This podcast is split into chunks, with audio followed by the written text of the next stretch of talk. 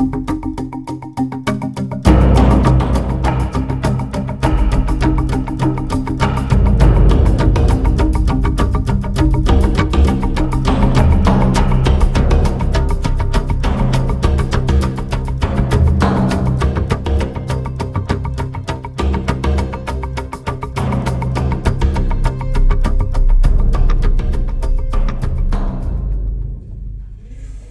iyi akşamlar efendim. Akıl Odası'ndasınız. Hoş geldiniz. Bu Batılıların bir lafı var efendim. Sudden death der, ani ölüm. Oradan yürüyerek şöyle bir şey çıkarım yapabiliriz. Ani barış bekleniyordu Ukrayna'da. Sanırım bugün gelen üst üste açıklamalar ve Ukrayna'nın doğusuna yönelik yeni adımlar ani bir barışı öldürmüş bulunuyor. İşin daha kötüye gideceğine ilişkin daha çok cümle duyuyoruz. Yine en e, makul konuşan, ılımlı konuşan, tarafları teşvik eden, umudunu da kaybetmeyen tek ülke var. O da Türkiye, Türkiye Cumhuriyeti.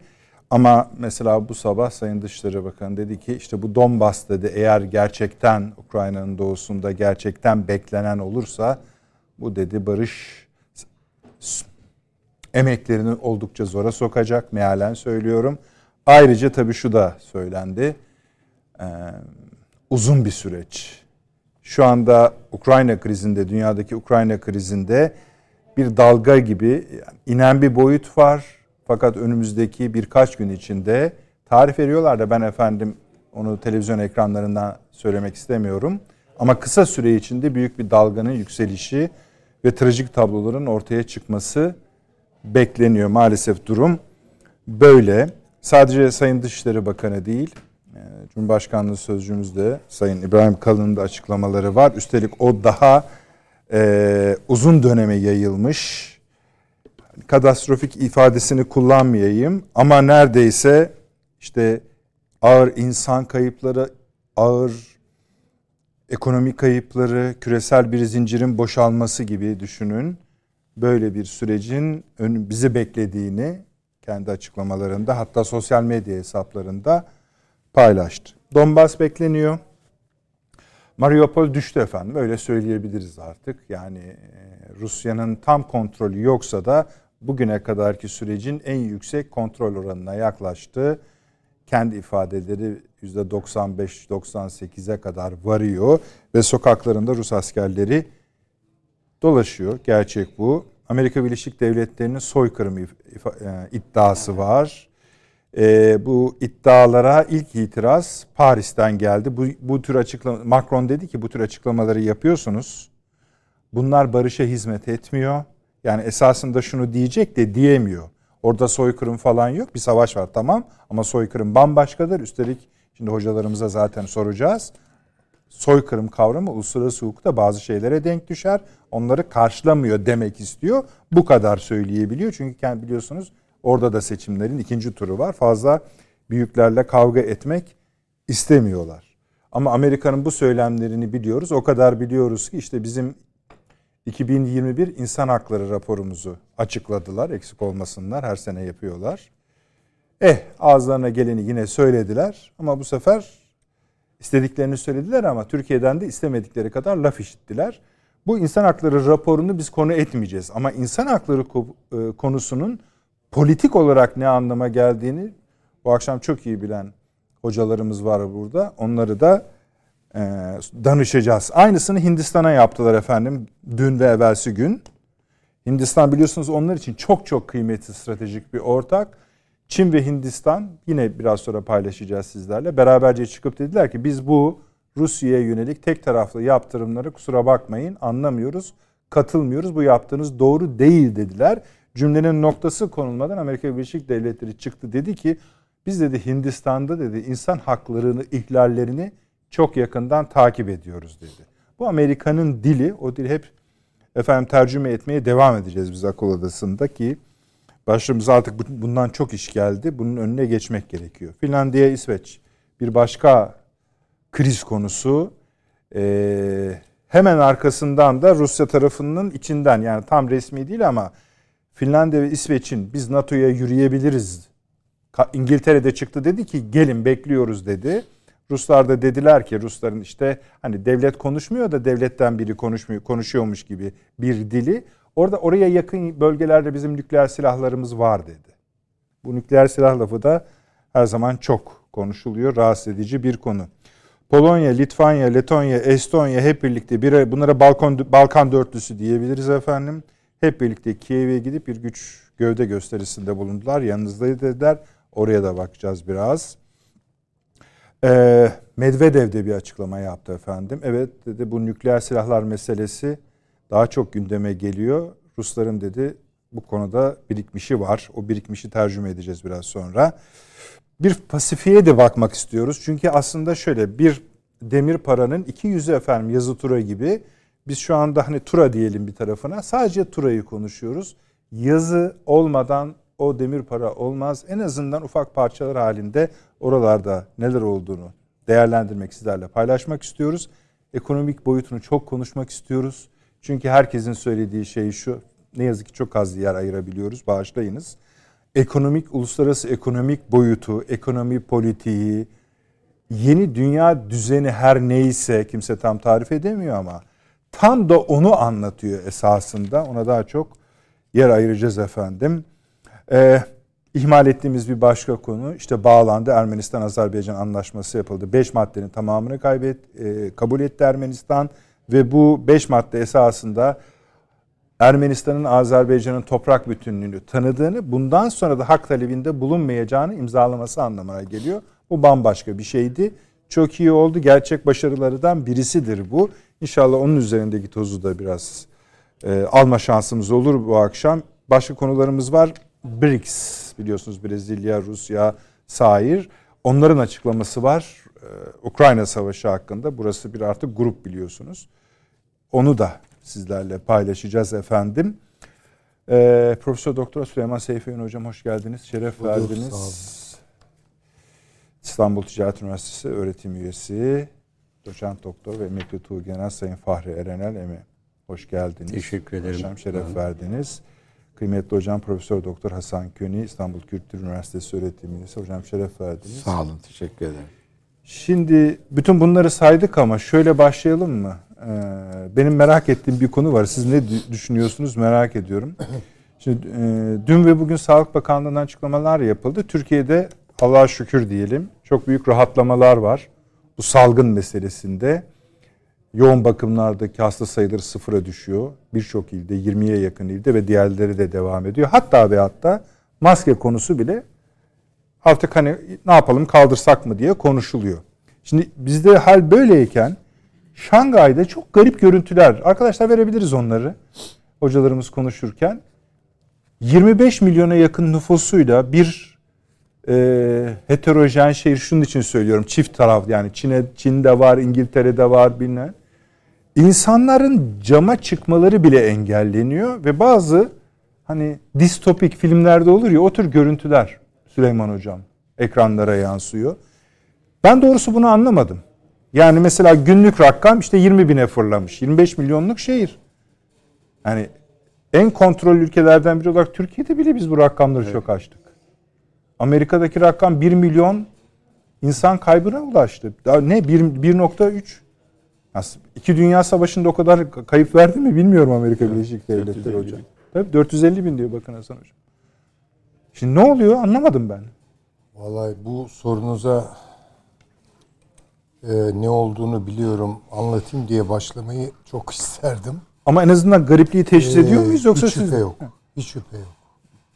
Eğer bu bizim bildiğimiz korona ise ne demek yani, yani daha birinci cümlenizde şimdi? Şu bütün dünyaya e, salgın halinde yayılmış olan korona ise diyelim ki Çin bir dönem bunu bitirdiğini ilan etti. Yeniden patlak verdi ama şöyle bir tablo var. Benim bildiğim kadarıyla yeni varyantlar eskisi kadar öldürücü değil. Evet tabi. O zaman yepyeni bir varyant var demektir. Yani bu da belki bambaşka bir virüsten bahsediliyor. Olabilir. Yani şimdi ihtimalleri düşünüyorum doğrusu aklımda. Belki de eskisinden daha tehlikeli bir şey var ortada. Onu da bilmiyoruz. Yani Çin bu konuda bir açıklama yapmıyor doğru düzgün. E, uluslararası ajanslar, medya vesaire çok sınırlı bilgi alabiliyor. Çünkü malum kapalı bir kutu. Yani bir koca şehri hapishane haline dönüştürmüşler. Şimdi bu bir şey için yapılır. Yani o şey nedir ama? Bunu çok iyi doğrusu bilemiyorum ben. Kestiremiyorum da. Ama ciddi bir sağlık meselesi olduğu, hıfzı sıha ile ilgili bir mesele olduğu da anlaşılıyor. Ya bunun arkasından neler çıkabilir? Eğer hani e, tahmin gücümüzü e, şımartırsak Şımartalım valla. yani böyle- şımartırsak tabii çok e, böyle komplo bir takım şeyler akla geliyor. Benim bugün hani dinlediğim e, ihtimal Hocam, hesabı pandemi yapan üzerine dünyada yapılmış bütün te- komplo teorileri tüketildi. ama bu başka bir şey tamam. olur. Anlıyorum. Bunu siz ciddi buluyorsunuz ve bunu Ciddi buluyorum. tabii tabii. Bu lale time bir iş değil bu. Ya bu açığa çıkacak. Ve bence küresel bir etki de gösterecek. Yani bunda lokal işte böyle bir şey yaşandı orada bastırıldı bitti falan gibi de düşünmüyorum ben. Yani inşallah da öyle olur ve yanılırım ben bu konuda ayrı bir mesele ama bambaşka bir şey gelecek oradan diye endişem yok değil var. Açık söyleyeyim. Yani bu ya yeni bir e, kitle sağlığını tehdit eden bir şey var. E, o zaman da şunu düşünmek lazım. Artık bu kendiliğinden olmuyor. Yani kargalar getirdi, kuşlar götürdü falan gibi açıklamaları yok bu işin. Bu çok ciddi, planlanarak yapılıyor. Ya bu savaşın başka bir yüzü. Formu. Yani artık insanların biraz şunu herhalde idrak etmesi lazım. Adını uğursuzca koymak hoş kaçmıyor ama yani işte Dünya Savaşı'nın yeni tarzı bu. Yani şimdi tabii Ukrayna'yı konuşacağız, e, e, İsveç'i konuşacağız, e, Balkanları konuşacağız vesaire. Ama savaş bundan ibaret değil. Çok daha başka boyutlar kazandı savaş siber savaşlardan bahsediliyor. Bu bilgisayar bozmak, network dağıtmakla ilgili değil. Çok korkunç sonuçları olabilecek bir şey bu. Bir taraftan da biyolojik savaştan bahsediliyor. Yani biyolojik silahlar yasaklandı falan. İyi de yani fiiliyatta işte Ukrayna diyorsunuz altından 50-60 tane neydi belirsiz laboratuvar çıkıyor. Tabii. Çok iyi. Bunlar e, hakikaten düşündürüyor. Tehlikeli. Şimdi hocam o konularda münhasıran çalışmış E tabii o birisi. hepimizden daha iyi bilir hocam. Estağfurullah. Fakat şey e, Kazakistan'dan beri gelen ama ben sizin dediğinize şunu ekleyeyim müsaade ederseniz. Buyurun. Salı günü Bill Gates bir açıklama yaptı. Belki görmüşsünüzdür. Dedi ki ben 3000 kişilik bir ordu kuruyorum. Bu orduyu şöyle anlamayalım. Silahlı bir ordu değil. Ama bu iş için silahlı bir ordu. Yani biyo, uzun biyoloji uzmanları, kimyagerler vesaire vesaire. Ben dedi buna ay, her ay 100 milyon dolar ödeyeceğim. 100 milyon dolar Hasan Hocam aylık. Müthiş. Diyeceğim. Tek amaçları olacak. Bu salgınlar çıktığı an yayılmasını engelleyecekler. Şimdi bu Şangay'la birlikte oluyor. Şimdi Bill Gates ayrı bir adam. Hani acaba çıkartan mı, durdurmaya çalışan mı hiç o konulara girmeyelim biz. Ayrı bir şey. Ama bu tür zamanlamalar işte Yani birinin sizin- e, bu adama şu soruyu sorması gerekmiyor mu? Sen kimsin? Sen kimsin? zengin. Dünya Sağlık Örgütü varken Hayır yani ne sıfatla Eyvallah. konuşuyorsun? Bu kararları alıyorsun. Uygulamaya geçiriyorsun. Biri uzaya füze atar. Kim attı, niye attı? internet benden bedava diyor Ukrayna'ya. Yani şimdi bu- bunlar nedir Allah aşkına yani? Onun için ben e, bunu tabii ki hayır hah bir e, açıklama olarak görmediğimi belirtmeliyim yani. Hepsi aynı zaman işte. Siz hani nasıl Ukrayna'daki laboratuvarları eklediniz ve esasında Çin'in ve Rusya'nın e, bir iki ülkenin de Avrupa ülkeleri de var işlerinde. Bu konunun takip edilmesi yönünde sürekli küresel çağrıları var ama kimsenin şu anda umurunda değil o. Değil, değil. Bu niye oluyor? Burada ne işleri var? Kazakistan'da da bunlar ortaya çıkmıştı. Hiç kimse bunlara kulak vermiyor. Arkadaşlar bu deminki şehir görüntülerinin seslisi var mı?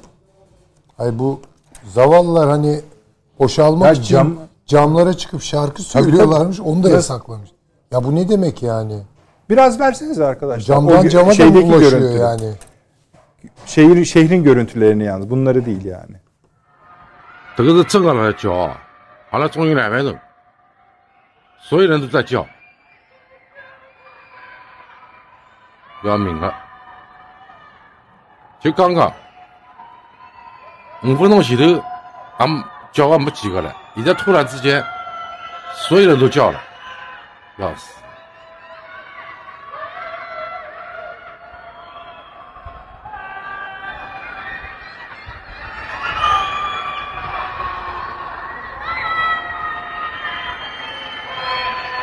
要命了！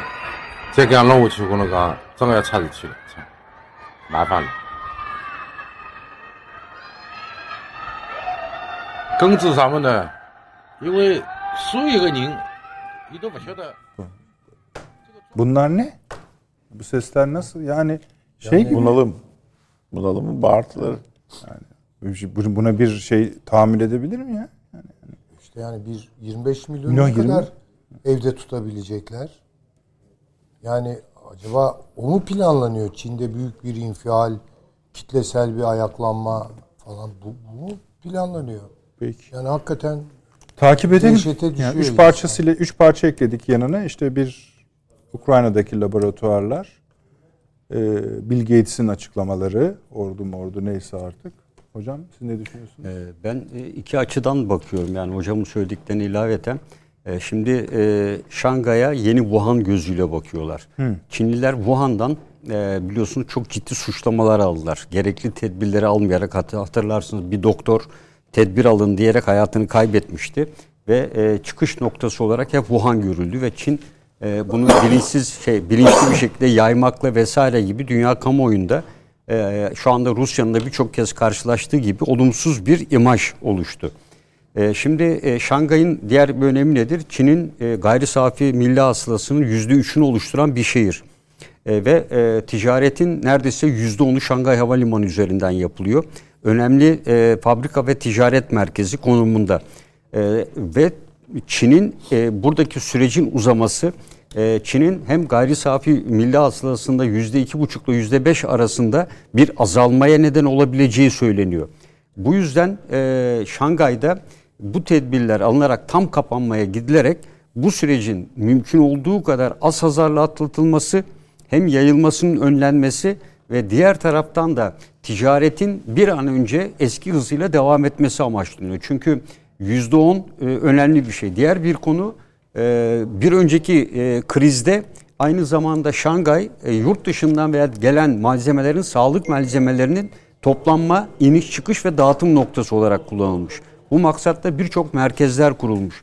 Dolayısıyla Şangay e, korona ile mücadelede Çin'in önemli bir merkezi aynı zamanda. Dağıtım, stoklama, depolama, ticaretin dışında. Bu yüzden de e, Şangay'a Şangay eşittir Pekin diyorlar.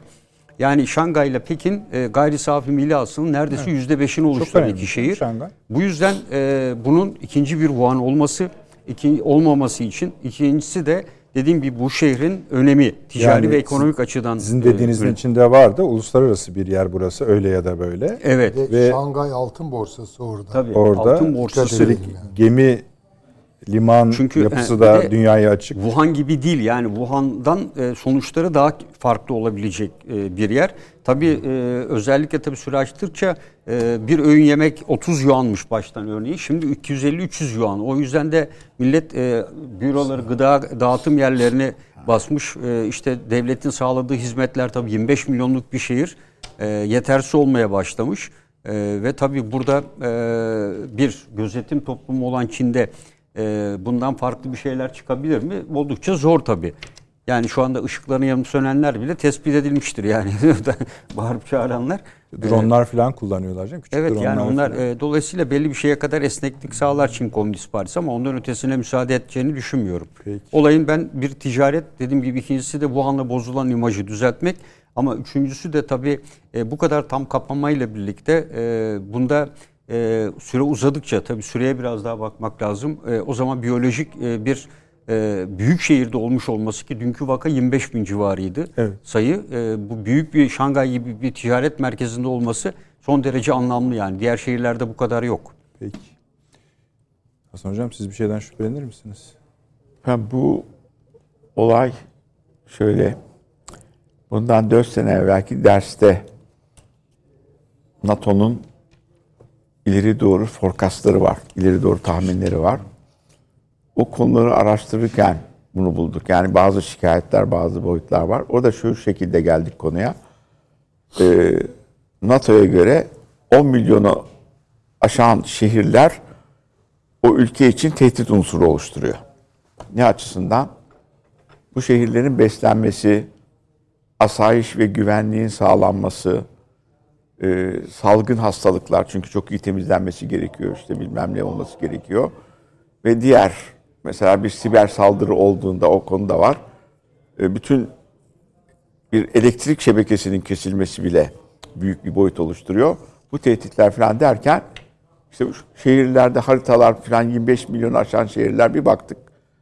Afrika'nın altından başlayarak en ucundan ki orada SARS virüsü ortaya çıkmıştı.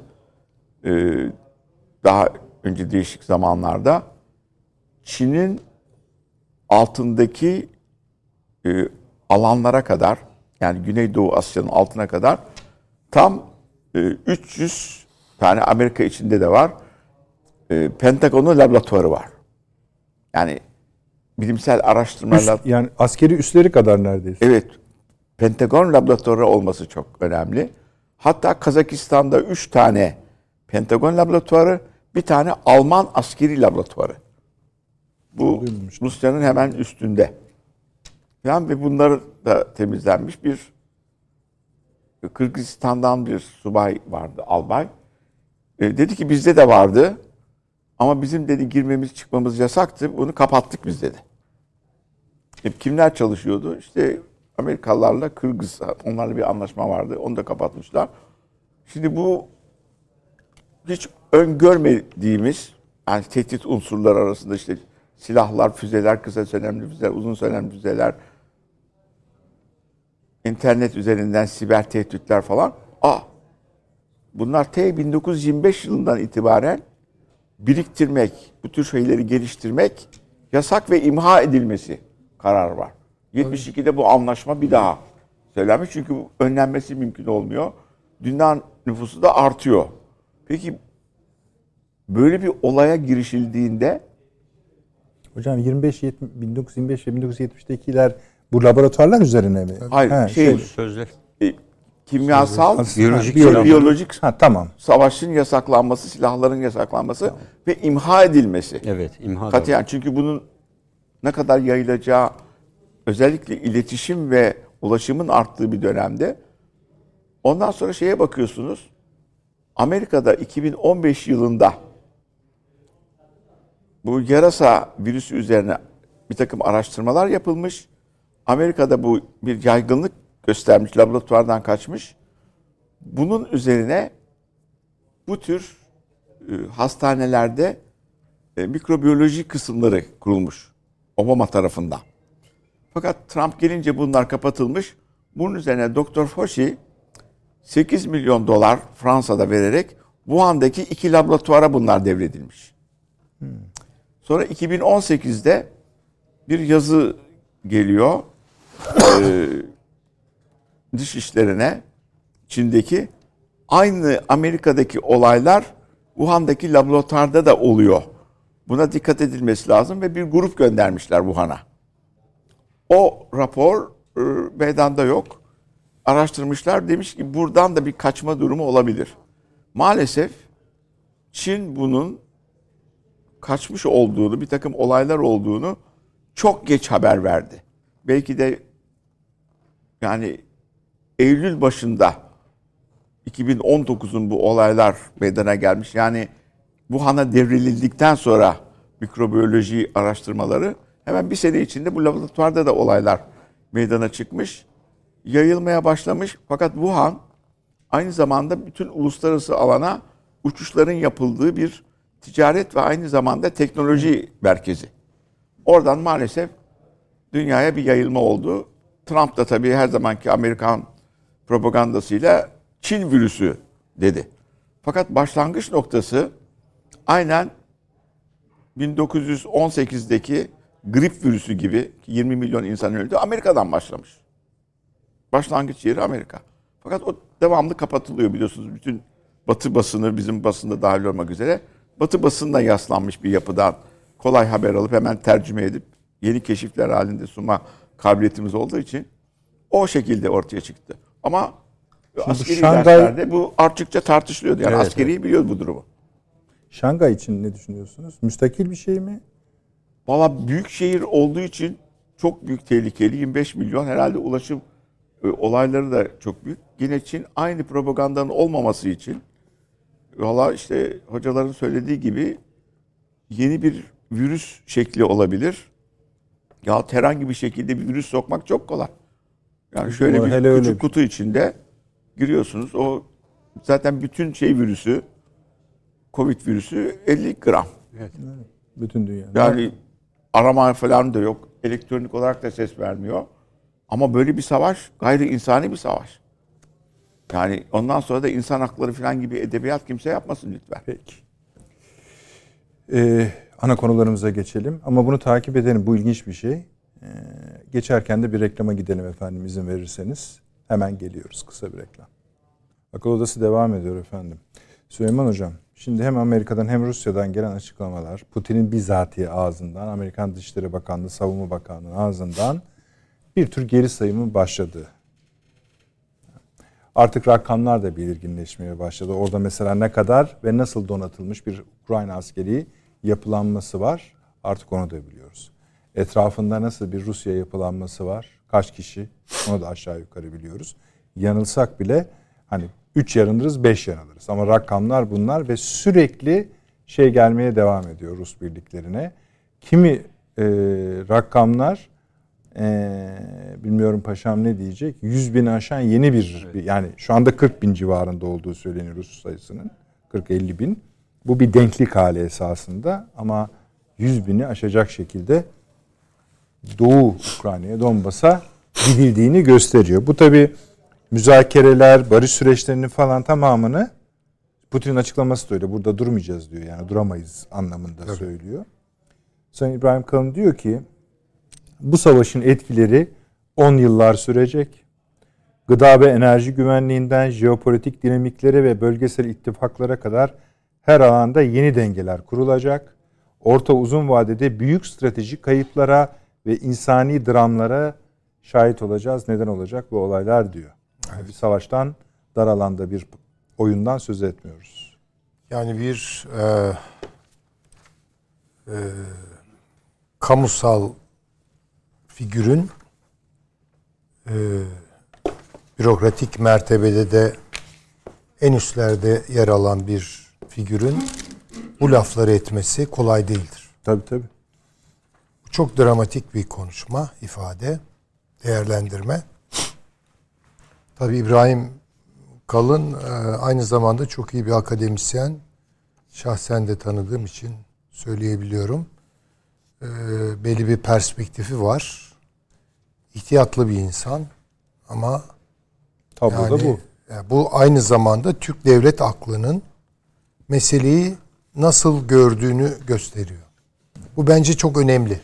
Baştan söyleyeyim. Yani çünkü şöyle değerlendirmelerin de önüne alıyor. Yani ortalık bulandı. Türkiye'de kendine göre fırsat kovalıyor. Nereden ne kapacağının derdine düştü. Değil bu. Bu konuşma o değil. Bu çok kuşatıcı, ihatalı bir değerlendirme ve çok dramatik.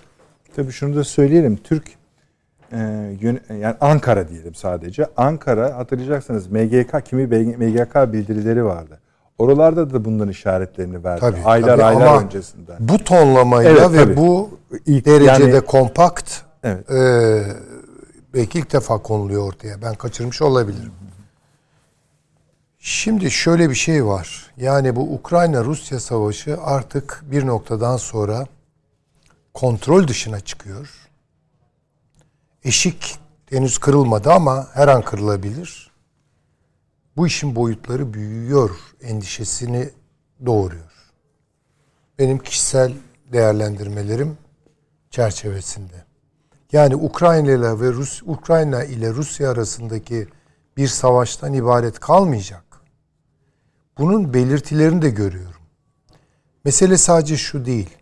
Savaşı kimse durdurmak istemiyor Türkiye hariç. Evet. Yani Durdurmak Ya bir istememek barışa kavuşsun. duruyor deli demek değil. Bir Hayır, de teşvik hayır. ediyorlar yani. teşvik ediyorlar bir de yani. Bu çok cehennemi bir şey yani. Doğru. Yani, yani şu olur iki devlet arasında bir savaş olur. Birileri devreye girer. Aman barış, aman görüşme, aman müzakere falan. Umurlarında değil. Türkiye tek başına Antalya'yı yaptı. İstanbul'u Ha yaptı. şeyi söylüyorlar. Evet Türkiye en çok o çalışıyor diyor. E aferin yani. Kendine Tek- ne diyorsun adam? Hiçbir şey yapmıyorlar. Tabii. Yani Putin'i aramakla bitmiyor ki iş. Zelenski'ye Avusturya gitmek. gitti de adam hani çok da sevdiğimiz bir adam değil. Ayrı konu da perişan ettiler. Sen ya oraya ben dedi şey için gitmedim ki dedi teslim olmaya bilmem ne. Tabii Adama ki. laf söylemeye ya kesin şunu demeye gittin dedi. Ki, Ona bile e, kızdılar yani. Acaba o öyle miydi? Ondan Ha, da tabii çok ayrı konu. değilim. Yo, yo, ben de aynı şeyi koydum. Çünkü ona çok ağır cevaplar verildi orada. Moskova'da. Ee, yani Onu da bayağı, konuşalım. bayağı ağır cevaplar verildi. Yani bu işin bitmeyeceği, sonuna kadar götürüleceği, bir de Avusturya'nın nükleer hesaplaşma dahil. Avrupa gaz dağıtım sisteminde özel Ee, bir yeri tabii, var. Biz de tabii, görüşüyoruz Tabii, Avusturya'yla. tabii. Siz devam edin buyurun. e, bu tar- bir taraftan bakıyorsunuz yani devam et. Sana silah vereceğiz vesaire. E, yani kırın birbirinizi. Yani umurumuzda değil demeye getiriyorlar. Başka şeyler yapıyorlar. Bununla da sınırlı kalsalar gene bir şey demeyeceğim ama Finlandiya'yı ve İsveç'i bu işe katmaya kalkıyorlar. Ve adamlar istemiyor esasında hocam. Bak, vallahi bilmiyorum. Kendisi. İsveç Başbakanı pek öyle konuşmadı. Yani biliyorsunuz Finlandiya Başbakanı'yla e, İsveç Başbakanı bir araya geldiler. Hanım hanıma güzel bir konuşma yaptılar kendi aralarında. Açıklama faslına gelindiğinde bir derece mütereddit konuşan Finlandiya tarafı oldu. Yani bunu biz hemen düşünmüyoruz. Ama güçlü bir olasılık kendi içimizde kamuoyunda bunu biraz daha tartışacağız filan demeye getirdi. Diğeri bayağı sahip çıktı. Yani evet dedi bunu ciddi ciddi düşünüyoruz vesaire. Ya bu ne demek? Yani Türkçedeki güzel deyimlerden biridir. Ateşe körükle gitmek diye bir şey varsa budur herhalde. Yani ne yapmaya çalışıyorlar? Yani sonuçta artık siyasi akıl sönümleniyor. Diplomatik akıl buharlaşıyor. Tamamen hani böyle hani vahşi orman kanunları falan işlemeye başlayacak. Ya bu basbaya bunun geri dönüşü olabilir mi? Bir de bazen ben onu düşünüyorum. Yani şu an sihirli bir değnekteyse Rusya geri çekilse, Ukrayna ile barışsa falan filan. Yani acaba dünya dengeleri yerine oturacak mı bununla? Oturmayacak. Öyle gözüküyor. Bu iş büyüyor. Arının gözüne çöp dürtmek diye bir tabir vardır. Yani gidiyor Tayvan'ı ziyaret ediyor. Amerikan eee, şeyi yetkilisi. Çin'i çıldırtıyor orada. Falan. Yani ne kadar tahrik etmek istiyorlarsa o kadar tahrik ediyorlar. Ve kamuoylarını da Soğuk Savaş döneminde olduğu gibi yani o zaman antikomünizmle beyinleri yıkadılar. Yani komünist tehlike diye.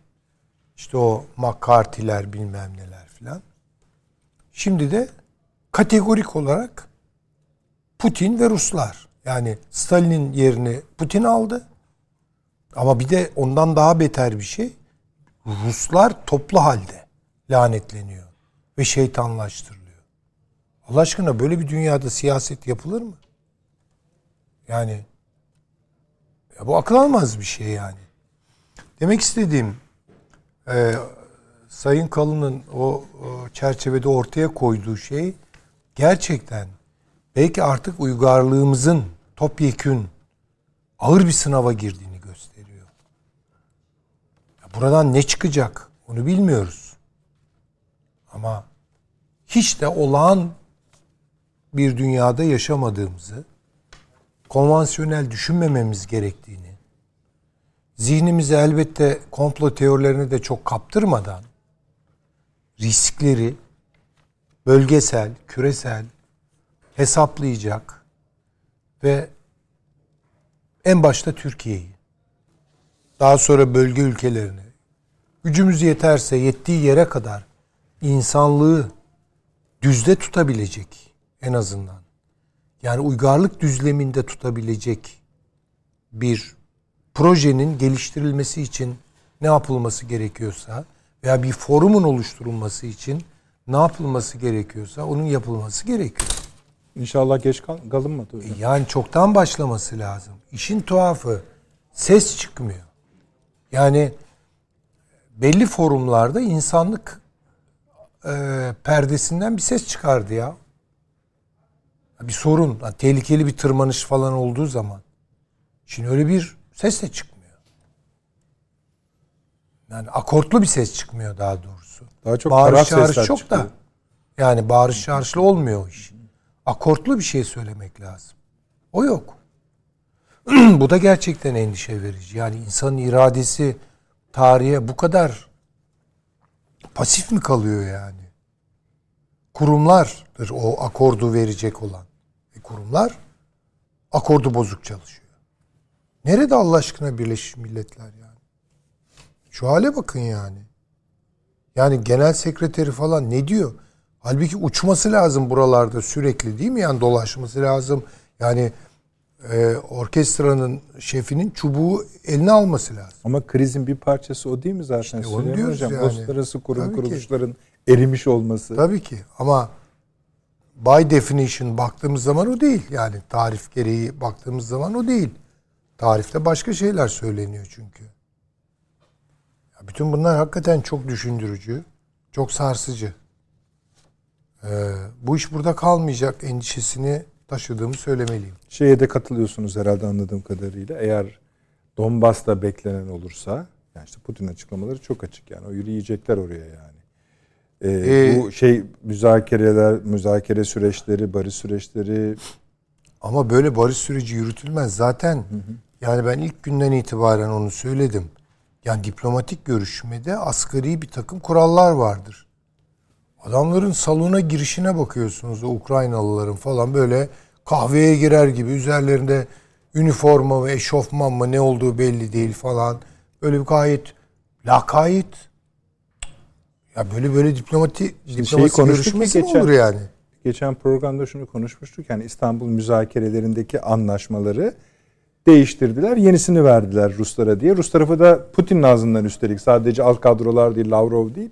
Ya bunlar hepsinden döndü. Bugün de açıklama yapıyor Ukrayna tarafı. Yo müza İstanbul'daki maddelere bağlıyız. Evet, kaç E ama- gün sonra? Yani İstanbul müzakerelerinden 24 saat geçmedi. Ee, petrol e, merkezini vurdular Rusya'da. Ha bir de devam ediyormuş o süreç. Ruslar onu yani birden çok Rusya'nın içine girerek iş yapıyorlar. Vuruyorlar. Bu hani dediniz yani göze parmak sokmak gibi. Evet. O daha da felaket bir şey. Neyse artık bakalım. Yani şu e, Rusya'yı herhalde şuraya çekmek istiyorlar. Yani iyice e, kendini kontrol edemeyecek şiddette Tabii işte. saldırıp büyük bir insanlık suçu işlemesi. Yani bunu bekliyorlar. Çünkü o iddiaların hiçbirinin e, bir ispatı yok. Hastane bombaladı dediler başka çıktı. E, bakıyorsunuz başka yerlerde işte sivilleri katlettiler e, Buça'da e, falan. E, bakıyorsunuz e, bambaşka bir şey çıkıyor arkasından filan. Ya bunlarla yapamıyorlar. Yani istiyorlar ki herhalde bekledikleri o. Rusya tam manasıyla tarihten diskalifiye edileceği Bravo, tam bir Yani ligden süper tabii, Tabii, tabii. ilk amaç Bunu- bunu süper istiyorlar. güçler Ha, liginden ara- düşsün. o ara kaç tane Ukraynalı ölüyormuş. E, Zavallılar, çocuklar, şunlar bunlar veya Rusya'nın oraya taşıdığı askerler filan. Hiç bunlar umurunda değil. Ne Biden'ın ne Avrupa Birliği'nin. Peki. Ee, bir de şeyi söyleyeyim yani o e, izleyicilerimizden mesajlar geliyor. Ben e, daha önceki programda söylediğimiz için Avni abi soruyorlar. Avni abi iyi. Yani inşallah haftaya bizimle yine birlikte olacak. İnşallah. Hani söyledik yani bazıları ne, yani herhalde o şeyimizi paylaşımımızı e, sevgili izleyicilerimizden duymayanlar olmuş. Söyleyelim sorun yok. Ağırca üşütmüştü. Şimdi gayet iyi. İnşallah haftaya bizimle birlikte olacak. Paşam buyurunuz. Ee, ben e, Putin'in e, e, esasında e, Batı'nın özellikle e, NATO'nun e, bu konudaki yapacağı hamleleri e, iyi değerlendiremediğini başta e, düşünüyorum. E, ve yavaş yavaş zaman içinde de NATO'nun nasıl hamle yapabileceğini de değerlendirdiğini düşünüyorum. Ve NATO'nun bu konuda hala ısrarla e, kuvvet kullanmama, kuvvet kaydırmama e, veya Polonya sınırına e, oldukça zayıf kuvvetler e, koymaktan öteye e, ve en sonunda işte 800 milyon dolarlık e, Biden'ın tekrar bir yardım sözünün ötesine geçmediğini görüyoruz. Bunlar evet e, Putin'i veya Rusya'yı durdurabiliyor ama yetmiyor. Yavaşlatıyor sadece. E, ben e, Putin'in artık bundan sonra e, oyun değiştirici e, güçleri ortaya koyacağını düşünüyorum. Yani. Yani, bu süreç uzadıkça Rusya ciddi anlamda e, sorun yaratacağı görülüyor. E, ve hava şartlarının iyileşmesiyle de birlikte ve şu ana kadar NATO'nun içindeki gelişmeler ve NATO ülkelerinin çekingenliği ve korkaklığı ve adeta ürkek tavuklar gibi Amerika'nın etrafında toplanmasını, e, olası bir savaşta Amerika'daki kuvvetlerin buraya kadar gelmesinin Normandiya çıkartması gibi stratejik ihtiyatları çok ciddi zaman alacağını bildiğinden e, ben e, Rusya'dan e, bir Ukrayna'da iki ikinci hamle olarak e, meşhur bunların Suvalki koridoru var. Suvalki koridoru e, burada Belarus'la Polonya ile Litvanya arasında Kaliningrad'a giden bir yerdir. E, Putin esasında Belarus'ta yaptığı 12 bin askerin katıldığı Zalat isimli tatbikatta Suvalki koridorunu nasıl kontrol edeceğini oyununu oynadı. Bu çok ciddi bir şekilde gözlerden kaçmıştı o dönemde. Suvalki koridoru ele geçmesi halinde NATO'nun Estonya, Letonya ve Litvanya ile arası tamamen kapanacaktır. Yani artık e, Kaliningrad e, ve Rusya arası birleşecektir Belarus üzerinden. Bu e, şeyin çok hassas bir karnıdır. E, bu bölge için e, NATO ile Rusya arasında bir e, anlaşma imzalanmıştı. Burada işte kuvvetlerin makul seviyede bulundurulacağı. Bugüne kadar Rusya bu şarta uydu. E, ancak Batı özellikle e, bütün yaptığı değerlendirmelerde bu meşhur koridorun, Suvalki koridorunun NATO'nun en zayıf bünyesi olduğunu, eğer e, NATO'nun veya şu Rusya'nın e, bu noktayı ele geçirmesi halinde Bir hatırlatalım. Bundan haylice önce bu savaş daha ilk günlerindeyken bu koridorun önemi hakkında biz akıl odasında Evet. konuştuk. Kaliningrad'ı da hatırlatalım izleyicilerimize. Rusya ana karasının, ana parçasının ayrı Baltık, Baltık tarafında. kenarında, evet. Bu demin başta saydığımız işte Litvanya ve Polonya sair onların göbeğinde ayrı denize Evet, sıfır evet. bir coğrafya. Orayı e, Parçası işte, e, ana e, Polonya ile Litvanya arasında ince bir koridor. Aynı bu Çinlilerin Wuhan koridoru gibi. Yani Afganistan'a giren o ince dil gibi bir bölge. E, ve bu bölgenin hassasiyeti NATO'nun bütün tehdit değerlendirmelerinde var esasında ama buna bir çözüm getiremediler. Sadece NATO Rusya'nın yakınlaşması sırasında böyle bir anlaşma imza attılar. Fakat bu anlaşmanın şu anda geçerliği yok. Ama en önemlisi Belarus Rusya arasında yapılmış tatbikatta buraya müdahalenin denenmiş olması. E, Ben e, burada Putin'in e, hani e, yazmıştım da esasında Çinli iki albayın ortaya koyduğu e, ve Amerika'nın da uyguladığı sınırsız savaş teorisini tam anlamıyla uygulamaya sokacağını düşünüyorum. Sınırsız savaşta e, hakim olan güçleri çünkü Putin şunu görüyor karşımda NATO'nun bütün güçleri olduğu zaman niteliksel ve niceliksel açıdan hepsi Rusya'dan üstün.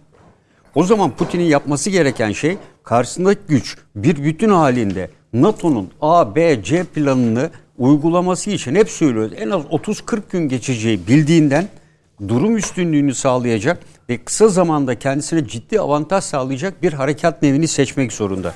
Şu anki savaş git gellerle olan ve yıpratma savaşı. Çünkü çok hep söyledik çok geniş cepheyle gitti. Cepheyi daraltması gerektiğini ifade ettik. Ha geniş cepheyle gittiğinde de belki şunu test etmek istedi. NATO müdahalede bulunacak mı acaba? Lviv'i bombalarken, Kiev'e batıdan yanaşırken, yukarıda Harkov'a girerken. Ee, Evet. Doğu Donbas la Kiev'in arasındaki bölümü de kesmiş oldu. Tabii. Yani e, batıya doğru biliyorsunuz e, Polonya sınırında füze saldırılarında bulundu. Bütün bunlara baktığımızda sanki o zaman biraz da NATO'yu test etti gibime geliyor benim. Evet e, geniş bir cepheye yayıldı ama e, durup dururken Kiev'den kuvvetlerin yenildiği için çekmedi. Bunu daha evvel de konuştuk. Hı hı. E, ve burada e, Putin e, bütün boyutlarıyla, siber saldırısıyla ve diğer bütün unsurlarıyla tam anlamıyla Çinli iki albayın ortaya koyduğu karşısındaki güç toparlamadan ve senden de üstün olacaksa toparlandığı zaman sınırsız savaşı ondan önce uygulamalısın. Ve sınırsız savaşta asla acımak, şiddet e, efendim yaparım insanlar hayatını kaybeder diye bir şey yok. Bunu esasında Çin ordusu için önerdikleri bir teori. Amerika'ya karşı Çin'in savaşması gereken bir yöntemdir bu. Ve bugün Rusya'ya baktığımızda Rusya'nın Putin'in bundan başka bir seçeneği yok. Donbas'ı ele geçirse de, Mariupol'ü ele geçirse de e, Putin üzerinde bu yaptırım, bu baskılar bu iki bölge ortadan kalkmadıkça kalkmayacak. Putin bunu biliyor. Ve bu yüzden de e, Putin bundan sonra harekatın bundan sonra kalanında dediğim gibi sınırsız savaş uygulayarak NATO'nun hamlelerine göre bence ilk ele geçireceği yer e, Suvalki geçidi bölgesi olacaktır. Oraya geçirdiği anda... Burada savaşın başından beri ilk defa konvansiyonel anlamda düz bir sahada iki ordunun karşılaşması mümkün mü olacak? Tabii. Peki, Bundan sonraki Ruslar şeyden endişeleniyordu. Hani oradaki mümkün olan en az insani zararı vererek çünkü bir de bu işin sonrası var Süleyman Hocam. Oradaki yani o bitti çünkü, artık yani. Ha, bitti, o bitti. Yani peki. bundan sonra o zaman sivillere çünkü sınırsız savaşta bu yok. Hı. Sınırsız savaşta sivil asker ayrımı yok. Ee, sınırsız savaş çok hızlı adeta bir buldozer gibi ezip geçerek en kısa zamanda bu süreci bir bitirmek. zaman var mı aklınızda başlamasıyla ilgili bu sürecin? E, ben şu anda başladığını düşünüyorum. Ha, evet. Yani e, çünkü bu e, meşhur Azak taburu muydu? Azop taburu mu? Evet. E, onun liderlerini ve e, tabur komutanlarını falan gemiyle Mariupol'dan nakletmeye çabalıyorlardı. Yani Mariupol'ü bugün Rusya'da açıklama yaptı. Bütün liman bölgesini kontrol altına aldık dedi.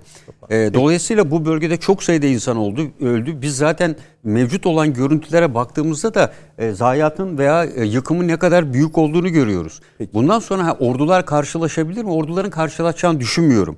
Böyle bir tank savaşı Guardian'ın yaptığı gibi veya Kuzey Afrika'da e, meşhur Çiltörk, işte Rommel vesaire gibi öyle bir savaş olmaz. Çünkü e, her iki tarafta da ciddi bir tank zayiatı var. Özellikle Ukrayna'da çok fazla var. İkincisi Ukrayna'nın hava üstünlüğü yok.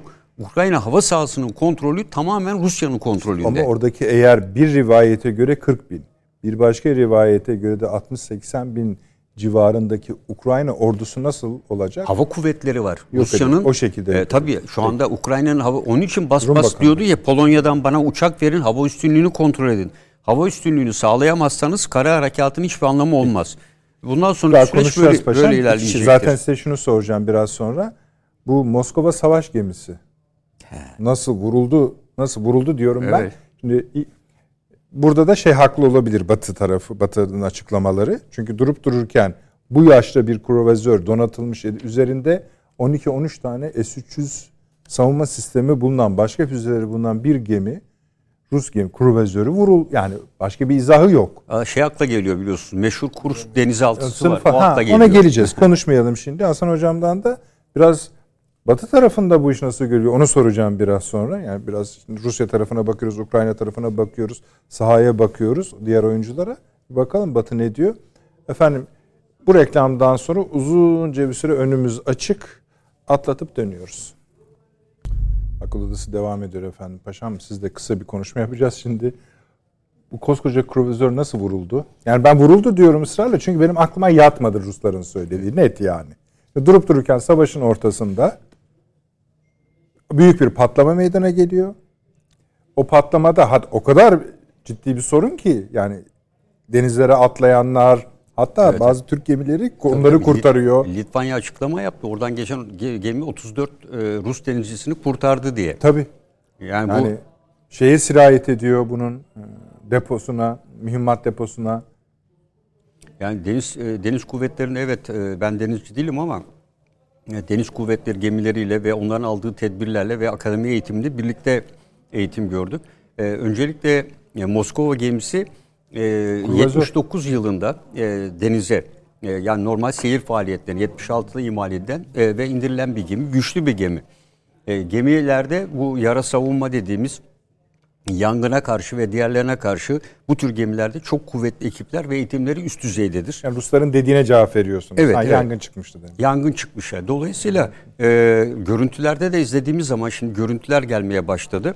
E, geminin e, ya, e, bir füzeyle veya roketle vurulduğu şeklinde bir izlenim var. Yani bir e, yanmayla bir patlama arasında e, biz de çünkü iş sağlığı ve güvenliğinde kimyasal maddelerin patlaması ve diğerlerinin eğitimlerini alıyoruz.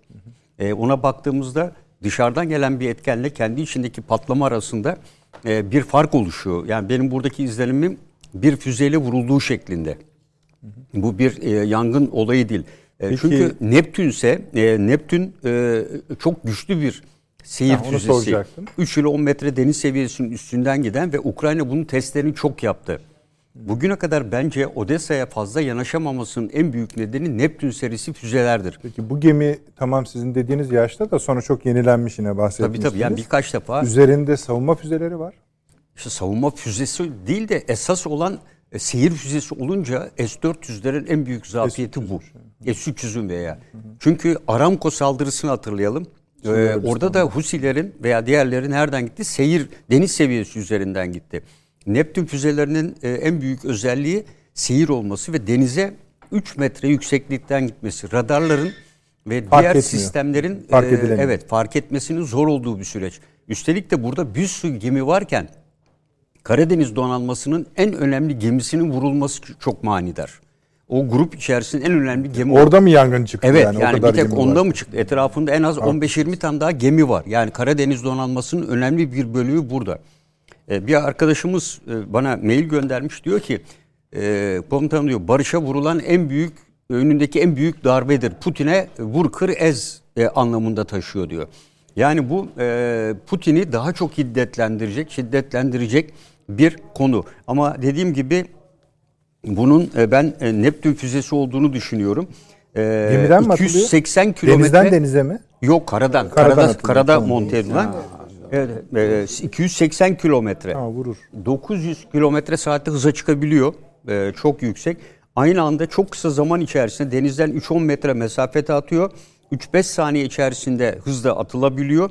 Aynı anda 144 tane füzeyi 3-5 saniye içinde gönderebiliyor hedefe. 144 tane bu atılan gibi. Ee, oldukça güçlü çünkü Ukrayna'nın silah teknolojisi veya silah sanayi, savunma sanayi oldukça iyi biliyorsunuz. Rusya'nın geçmişte olan Öyle olabilir de organizasyon onlara aitmiş gibi durmuyor pek. E, e, ama Bilemeyiz yani- tabii.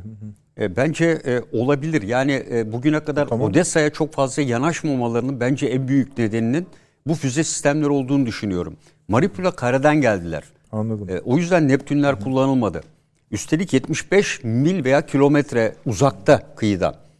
E, bu kadar kıyıdan herhangi bir taarruz, herhangi bir şey yokken, oraya bombalama yokken bunun bu şekilde oluyor olması çok anlamlı. Yani şöyle söyleyeyim savaşın başından beri Rusya'yı vuran yani psikolojik etkisi de en güçlü işlerden biri gibi geliyor E, bana. gemi Yani gemi e, gemi gitmiş zaten. Yani e, Amerikalıların açıklamasında e, kalan parçaları Sivastopol'a doğru çekilmeye çalışıyor dediler. Ama bir parça kalıp kalmadığı da belli değil yani. yani parçası kalmış gibi duruyor da şeyde şimdi mesela artık tankın esamesi okunmuyor. Yani 20, 50, 100, 1000 öyle rakamlar dolaşıyor ortada. Ama işte geminin psikolojik de bir boyutu vardır biliyorsunuz. Ya bir de Gemi- donanmanın e, tabiri caizse hani amiral gemisi falan derler ya. Bu tür bir geminin hedef alınıyor olması ve üstelik de hedef alındığı zaman da bir saldırı yok. Bir ateş sistemiyle füze ateşlenmesi yok. Herhangi bir gemi gemi e, muharebesi yok. E, gemi 75 Vuruyor kilometre canım, uzakta Tabii. duruyor. Veya bu geminin vuruluyor ama bu ikincisi biliyorsun. Bir öncekinde de Rusya'nın içinde e, petrol tesisine bir saldırı olmuştu. Sınırın hemen yakınında. Helikopterler girmişti. Bu ilk vakaydı. Bugün esasında sabahtan bir açıklama yaptı Rusya. Evet. Dedi ki bizim Hocam gemilerimize ve benzeri yerlere sabotaj ve saldırıdan kuşkulanıyoruz dedi. Tabii, tabii. Evet. Bu açıklamanın hemen e, akabinde meydana gelen bir gelen bir olaydı bu. Evet. Yani hala çağırıyor. Evet. Gel evet. diyor yani. Peki teşekkür ediyorum paşam. Evet hocam buyurunuz. Yani savaş gemisi değil ama savaşın hali konusunda. Efendim şimdi ilginç bir e, yapıları var. Ben şeye dikkati çekeceğim. E, bu NATO toplantısına e, Güney Kore, Japonya, e, Yeni Zelanda, Avustralya Avustralya. katılmış. Şimdi ilk yapılan bir takım Rand Corporation'ın analizleri vardı. Orada şunu söylüyorlardı. Bir araştırma yapmışlar. Ee, Avrupa'nın NATO ülkeleri arasında Hint Pasifik'te Amerika bir savaşa Çok girerse hocam. Arkadaşlarımız şey bu işte görüntüsü bu. Yani öndeki arkadaki değil mi paşam? Arkadaki. Bu, bu bayağı vurulmuş işte yani. olmuş tabii. Yani bu yangın mangın. Peki arkadaşlar teşekkür ediyoruz. Sağ olun. Evet, Hint, Hint Pasifik'te bir savaş olursa işte buraya girebilir misiniz? Çin'le bir savaş olduğunda e, üçe ayırmışlar soruyu. Bir, Çin'in yanında yer alırız, tarafsız kalırız, Amerika'nın yanında yer alırız. Hepsi tarafsız kalırız. Şimdi bu iki sene evvel yapılan Rand Corporation'ın Çin'in artan imajı nedeniyle NATO üzerinde yaptığı bir araştırma. Fakat bu olaylardan sonra yani Rus Ukrayna Savaşı'ndan sonra toplantıya katılanlara bakıyorsunuz. NATO üyeleri ve Amerika'nın Asya Pasifik'teki yeni kurmaya başladığı savunma sistematiği. Demek ki bu şekilde Rusya'yı ileri doğru iterek yani bu savaşı uzatarak Avrupa'yı da ileride Asya Pasifik'e doğru bir savaşta yer almaya zorluyor. Çok e, kurnazca yapılan bir hareket. İyice korktu.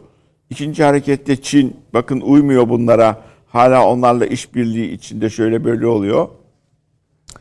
E, Hindistan'da işte insan hakları söyledik. e, o konular konuşuldu. Bu şekilde asıl hedefe doğru. Diyor ki Rusya ile bu savaş devam ediyor. Buna dikkat edeceğiz. Yardım edeceğiz ama asıl hedefi unutmayalım diyor. Asıl hedef Çin. Çünkü asıl korktukları ekonomik büyükleriyle bilmem gelişmesiyle ve bir takım e, işte Marshall Adaları, Marian Adalarına e, Amerikan heyetleri veyahut Avrupa'dan bazı heyetler ziyarete gidiyor. Bu da Çin'i kızdırmış. Zaten Güney Çin tezinde de çok e, hareketliliği var e, Amerika'nın. orada yaptığı şeyler de başarılı oluyor mu? Bu hani şeyler oluşturmaya çalışıyor. Baklar.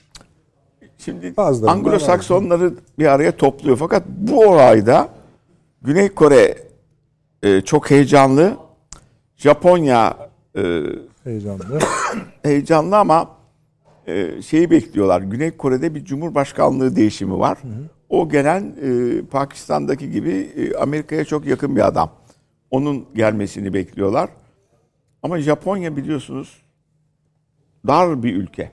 Yani böyle bir hava saldırısı, füze saldırısı falan onları karşılayacak bir durum. Kuzey Kore böyle onun üstünden böyle 500 kilometre ileri füzeler falan atıyor. O da Amerika'yı heyecanlandırıyor.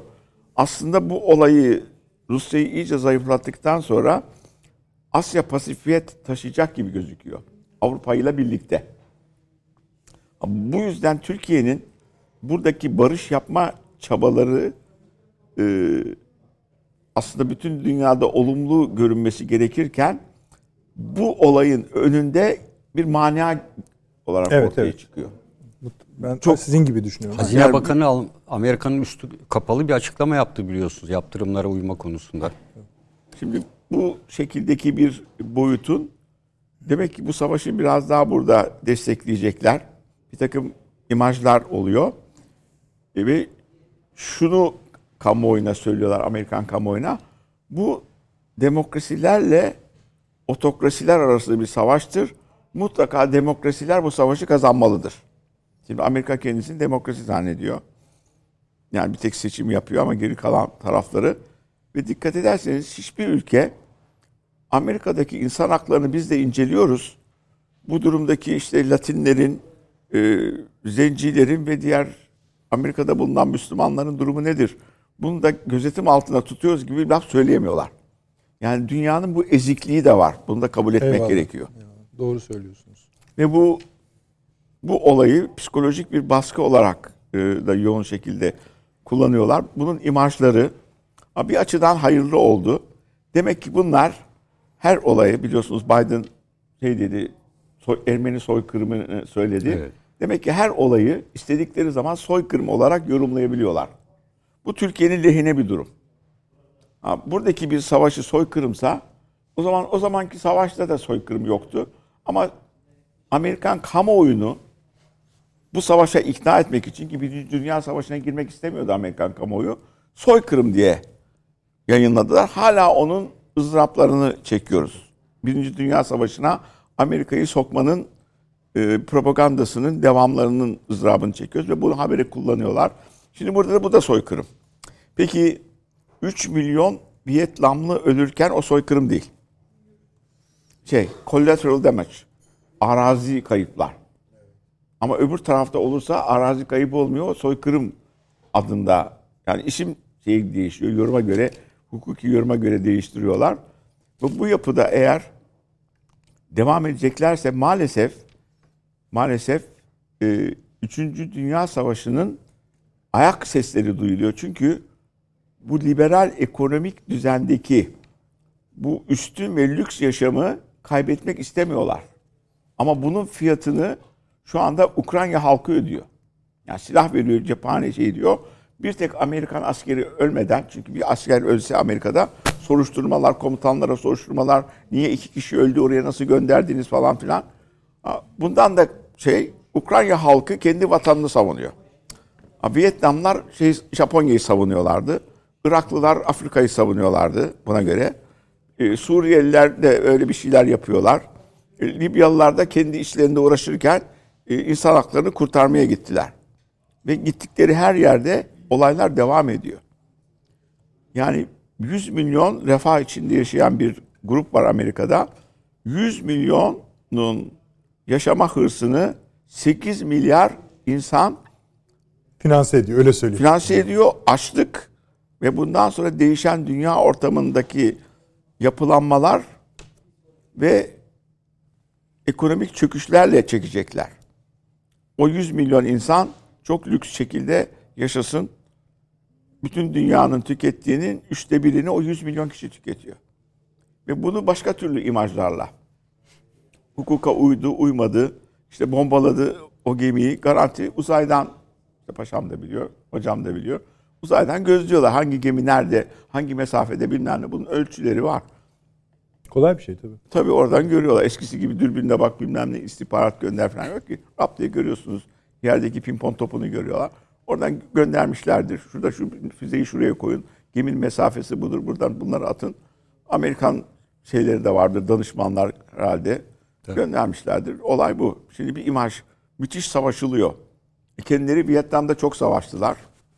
Ne yaptıklarını gördük. Irak'ta biliyorsunuz geminin üstüne çıktı 2003'te bu zaferi asla kutlayacağız. Vietnam sendromunu ortadan kaldırdık dedi. Ondan sonra fi- sendrom devam etti. Afganistan sendromu devam ediyor. Libya sendromu devam ediyor. O yüzden kim iyi savaşıyor, kim iyi savaşmıyor e, hiç kimse bunun analizini yapmasın diye düşünüyorum. Evet. Sağ olun hocam. Bu şey Vietnam örneğini verdiniz verdiniz ya. Bu Çin'le yakınlaşma konusunda Kamboçya ile bir görüşme yapmış Amerika Birleşik Devletleri. Demiş ki biz sizin aşağı yukarı görüşlerinizi biliyoruz. Ama dünya yeni bir düzen var artık. Amerika döndü. İşte Ukrayna'yı takip ediyorsunuz herhalde. Bu yüzden demiş e, biz Kamboçya'nın yani bize daha yakın olmasını bekliyoruz. Kamboçya hükümeti de şöyle yapmış. 750 bin kişi duruyor demiş. 750 bin kişi. Şey biliyor musunuz? Kamboçya gibi ufacık bir ülkede o dönemde 750 bin kişiyi öldürdü Amerika. Onun için hani onları böyle denk almaları filan E, ve çok çabuk unutuyorlar yani insanlar geçmişteki Tabii, tabii. olayları, bilmem neleri, bu olayları. aslında o görüşleri yanlış değil. Biz burada bile unutuyoruz. Ha, burada, Biz evet. burada bile unutuyoruz yani. Onun için normal. Peki. Bir de eee, ha, şey de diyorlar paşam. Hani bir daha önce de bir gemi saldırısı oldu mu? Oldu. Tankere e, Estonya mı bandıralı bir tankeri oldu. Yani savaş gemisine olduğunu Ha. bilmiyorum da Ben de e, hatırlamadım Estonya da. e, normal bir sivil gemi. Muhtemelen aklımda kalan Estonya e, ticari bir gemiye e, iki füze veya benzeri bir şey isabet etmişti. O savaşın ilk başladığı dönemlerdeydi. E, hatta işte Karadeniz'deki sivil e, ticaret olumsuz etkileniyor vesaire dediler. Tabi bu hamlelerin her biriyle esasında e, Karadeniz'deki Rusya'ya yönelik e, boğazlardan geçen gemi ticaretini de engellemek ve durdurmaya amaçlıyorlar. Yani burada tam anlamıyla bir savaş alanı e, denizi deniz üstünde harekat alanı ilan ederek İşte Evet. Hulusi Bey dedi ya yani bu mayınların mayınlar Rus yapımı ama oraya kim koydu bilmiyoruz dedi. Ha, Ruslar gelmesin diye Ruslar koymuş. yani inanılır gibi ya. Çok yaşayın. Es- Esasında hani kim koydu bilmiyoruz demek. Ruslar koymadı demek. Aynı zamanda kimin koyduğunu da tarif ediyorsunuz. Evet, yani orada. o da ilginç bir şey. Peki hocam. Bu şeyi isterseniz siz hazır insan haklarından bahsetmişken Hasan hocam. Şu bizim hakkımızdaki insan hakları raporu konusunda da sizin görüşlerinizi alsak. Bu Amerika'nın Peki bir şey soracağım. Bunları her sene yayınlıyorlar ya. Biz hatırlıyorsunuz 20 yıldır bu konuları konuşuyoruz. Şimdi, mesela biz etkileniyor muyuz artık? Yani etkilendiniz mi siz bu durumdan? Şimdi şöyle oluyor. Bir, iki yere gidip izahat vermek zorunda kalıyoruz. Bir Avrupa İnsan Hakları Komisyonu var. Onun üzerine gidip anlatıyorsunuz şöyle oldu böyle oldu. Onlar Adalet Bakanlığı'ndan ve İçişleri Bakanlığı'ndan bir takım şeyleri alıyorlar. Bir de e, kişisel ihbarlar var. Yani mesela polis dururken gidiyorsunuz bir yumruk atıyorsunuz. O da size cobu indiriyor o sırada. Polis cobu indirirken resmi çekiyor ve onu gönderiyor. Biliyorsunuz şey yapabilmek kabiliyeti bu. Ve onlar birikiyor. Ee, bu Birleşmiş Milletler'e gidiyor. Birleşmiş Milletler bir ön rapor yayınlıyor. Ondan sonra onu biriktiriyor. 5 senede bir ülke ana raporu yayınlıyor. Her ülkenin. Ee, Amerika'nın da var bu konularda işte o zencilerle ilişkiler bilmem ne oluyor, şu oluyor, bu oluyor. Fakat olay şu. Güçlü alana soru soran yok. Eğer cezalandıracak sizi bir kimse yoksa her şeyi yapabilirsiniz. Ama sizin üzerinize bunun üzerinden ha, Türkiye böyle yapıyor. Bundan sonra yatırımları yapmayın dedikleri zaman bu boyuttaki ülkelerde bu bir rahatsızlık oluşturuyor. O yüzden bunu da bir e, psikolojik savaş unsuru olarak kullanıyor. Yani hiç kimse Türkiye'den gidip Amerikan hapishanelerinde acaba askı olayı var mı? E, Türkiye'de idam cezası kaldırıldı ama kimisinde ilaçla, kimisinde asarak, kimisinde elektrikle öldürüyorsunuz. Ne biçim insan hakları savunucusunuz diye falan bir soru soranı hatırlıyor musunuz şimdiye kadar? Bunlar da yok. Bu bir nevi e, kompleks yaratıyor ülkeler içinde. Bu tür Psikolojik raporları etkisi. siyasi getiriler için manipüle ettiklerini ve kullandıkları çok yerine oturmuş bir kabul. Evet. Şimdi bu açıklanan ABD Dışişleri Bakanlığı'nın insan hakları raporu. Türk Dışişleri de dedi ki biz onu yok sayıyoruz, külliyen de reddediyoruz. Yani hiçbir şekilde hani şeye bile tabii ki e, Ankara sinirleniyor böyle şey ama karşılığında hiçbir şey olmayacağı için. Ama asıl iş şu. Belki Hindistan örneğinden hareket edersek bu sefer daha verimli olacak. Esasında Amerika Birleşik Devletleri'nin Hindistan'ı yanında tutma arzusu kendi ulusal güvenliğinin şu anda birinci sırasında. O kadar önemsedikleri bir ülke paşam. Sürekli gidiyorlar. Blinken oradaydı. Yani ne isterlerse yapmaya hazır. Fakat Hindistan yanaşmıyor. Yanaşmadığı gibi hem BRICS üzerinden hem kendi başına hem Çin'le birlikte, Çin'le birlikte düşünün yani. Ee, Ukrayna konusundaki tavrını be- belli ediyor. Şeyde Amerika Birleşik Devletleri şöyle açıklama yapmak zorunda kaldı. Hindistan'ın Rusya'dan enerji alması, ga- gaz alması, petrol alması normal diyor. normaldir dedi. Yani şeyi etkilemez dedi. E, Yaptırımları falan etkilemez dedi. Şimdi izleyicilerimiz hemen aklına gelmiştir S-400'ler. O zaten hani cepteki bir konu söylemiyoruz bile. Yok o şey diyorlar. Onu, biz NATO ülkesiyiz onlar değil. O da Peki ama değil. Katsa ne? Katsa NATO üyesi olmayı aramıyor ki. Yok işte o zaten Aramıyor. Rusya, İran ve Kuzey Kore'yi hedefliyor ama Tabii. arada Türkiye geçiyor. Ha, demek ne zaman ki Hindistan işte sizin dediklerinizi yaptı, bu söylediklerimizi arkasında durdu. Şimdi diyorlar ki daha bugünün işi işte. İnsan hakları. İnsan haklarını takip ediyoruz. Tam nasıl yani o ülke zaten kendi insanını takip edemiyor. O kadar nüfusla neyi takip ediyorsun? Yol, e, Yani Amerika içindeki büyük şirketlerin yarısından fazlasının başındaki adamlar Hintli. Hintli. Üstelik de çoğu teknik yüksek teknoloji şu. Şeyi İngiltere'de öyle. de öyle. Kanada'da öyle. İngiltere'de öyle. Kanada öyle. yani kim kimi takip ediyor da nasıl zamanlar? Japonya'yı da öyle yapmışlardı biliyorsunuz. Evet. Yani bu tür operasyonları iyi biliyorlar. Şimdi bakın bu uluslararası insan hakları kurallarını bunlar ortaya koyuyor. Bu insan hakları bildirisinden jenositle aynı zamanda yayınlanıyor. Bir ay fark var. Jenositi hazırlayan Avustralyalı bir e, hukukçu. E, Musevi asıllı. Asıl hazırladığı metin Avustralya'da İngiliz asılların Avustralyalı yerlileri nasıl yok ettiği ettiği. ve yerlerinden sürerek onları çorak topraklarda ölüme mahkum etti. Fakat bu Amerika'ya yerleşiyor. Orada avukatlık yaparken diyorlar ki o metni İkinci Dünya Savaşı'ndaki Holocaust için yazacaksın. Bu sırada askerden dönen zencileri öldürmeye başlıyorlar. Amerikalılar bunlar askerliği öğrendi biz de öldür falan diye. Zenciler müracaat ediyor. Diyor ki bunlar da bize soykırım işliyor zenci olduğumuz için. Adam diyor ki insan hakları sözleşmesini çıkartmazlar. Yahudiler için de soykırım sözleşmesini çıkartmazlar. Onun için bu konuyu diyor Amerika içinde oylamaya sokturamam. Ve bunu es geçiyor. Ve soykırım sözleşmesi bu şekilde ortaya çıkıyor. Yani Amerika içindeki olayı. Ve siyasi açıdan öldürme olayı soykırım içinde yok bu nedenle. Ha, Ondan sonra önüne gelene sen soykırım yaptın, soykırım yaptın, soykırım yaptın. Ama orijinlere indiğinizde e, hokkabazlık ve oyunlar hukuki yorumlarla birlikte olayın ortaya çıktığını görüyorsunuz. Çok ilginçtir. Avustralya yerlilerinden İkinci Dünya Savaşı'ndaki olaya ama diğer olaylardaki siyasi açıdan insanları öldürme olayı yok. Yani rakipti, beğendi, bildi, şuydu buydu falan gibi. E, bu yapıyla herkese işte gördüğünüz gibi soykırım yaptın. Niye? E, kendisileri de Slav. Slavlar Slavlara mı soykırım yapıyor? Peki. Ee, paşam şey diyor okur e, izleyicilerimiz. e, Bu çıkarma gemisini ben hatırladım onu. Bir çıkarma gemisi vurulmuştu. Bir şey Ukrayna limanında bağlı. E, Rusların bir çıkarma gemisi vardı. O vurulmuştu. Ona, Ukrayna limanında. yani Ukrayna limanında. yani o sınırdakini kastediyor herhalde Mustafa çünkü Çetin. herhangi bir e, e, amfibi harekat vesaire. Hatırladım ben ama. Hatırladım ben. Yapma- şey, e- faal değildi. Faal He, değil. ha faal değil. Faal değildi. Yani Tabii bir askeri harekatın parçası orada olarak dediğim değil. gibi yani bir şilep e, vuruldu Hatırladım orada. ben olayı. Yani şilep e, e, vuruldu.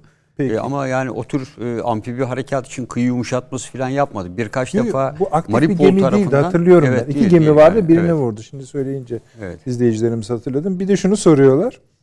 Bu İsveç Finlandiya meselesi gerçekten Moskova'yı çok rahatsız eden bir mesele ama mesela e, acaba Türkiye bunlara ne diyor? Yani çünkü bir de bu ülkelerin katılmasının cari durumu daha beter edeceği nedeniyle çekimser kalabilir. Ayrı bir konu. Ama mesela İsveç aynı zamanda hadi isim vermeyelim hadi bu iki ülkenin kendisinde de vardır. Terör örgütüyle biliyorsunuz vakti zamanında değil şu anda da çok yakın ilişkileri olan ülkeler. Acaba bir pozisyon alır mı Türkiye yoksa Göreceğiz. göreceğiz dediğinize Yani göre bu, siz almayacağını e, söylüyorsunuz. Yani bir kere Türkiye'nin e, NATO NATO zaten yerinden kalkamıyor. Bununla birlikte tamamen yerinden kalkamaz bir örgüt haline gelecek. 32 tane örgüt. Bundan en çok zararlı çıkacak olan Estonya, Letonya ve Litvanya. Bugüne kadar en kuzeydeki Baltık ülkeleri olması nedeniyle e, az da olsa bir yardımda bulunuyordu. Şimdi onun kuzeyinde ta İsveç, e, e, Finlandiya gibi ülkeler olursa e, bu Estonya, Litvanya, Litvanya'yı bu e, dediğim gibi Kaliningrad üzerinden yutar Rusya. Yani e, gücü zaten yetmiyor NATO'nun. Evet e, baktığın zaman ordunun toplamı Rusya'dan fazla. Ama toparlayıp onu bir anda harekata geçirmek. İşte Normandiya ancak öyle oluştu kaç yıl sonra. E, Amerikan stratejik ihtiyatları geldiği zaman gündeme geldi. O yüzden e, bu iki ülkenin girmesi Türkiye'ni Türkiye hiçbir şey kazandırmaz. Yine eski soğuk savaş dönemi Kuzey cephesi, Güney cephesi gibi iki cephe oluşur. Şimdi son, rek son reklamımız mı arkadaşlar? Son reklamımıza gideceğiz ama şunu bence bugüne kadar hiç konuşulmamış ama en çok konuşulması gereken konu. Velev ki taraflardan biri tam olarak yenildi. Mesela Ruslar yenildi. Mesela Ukrayna üzerinden Amerikalılar yenildi.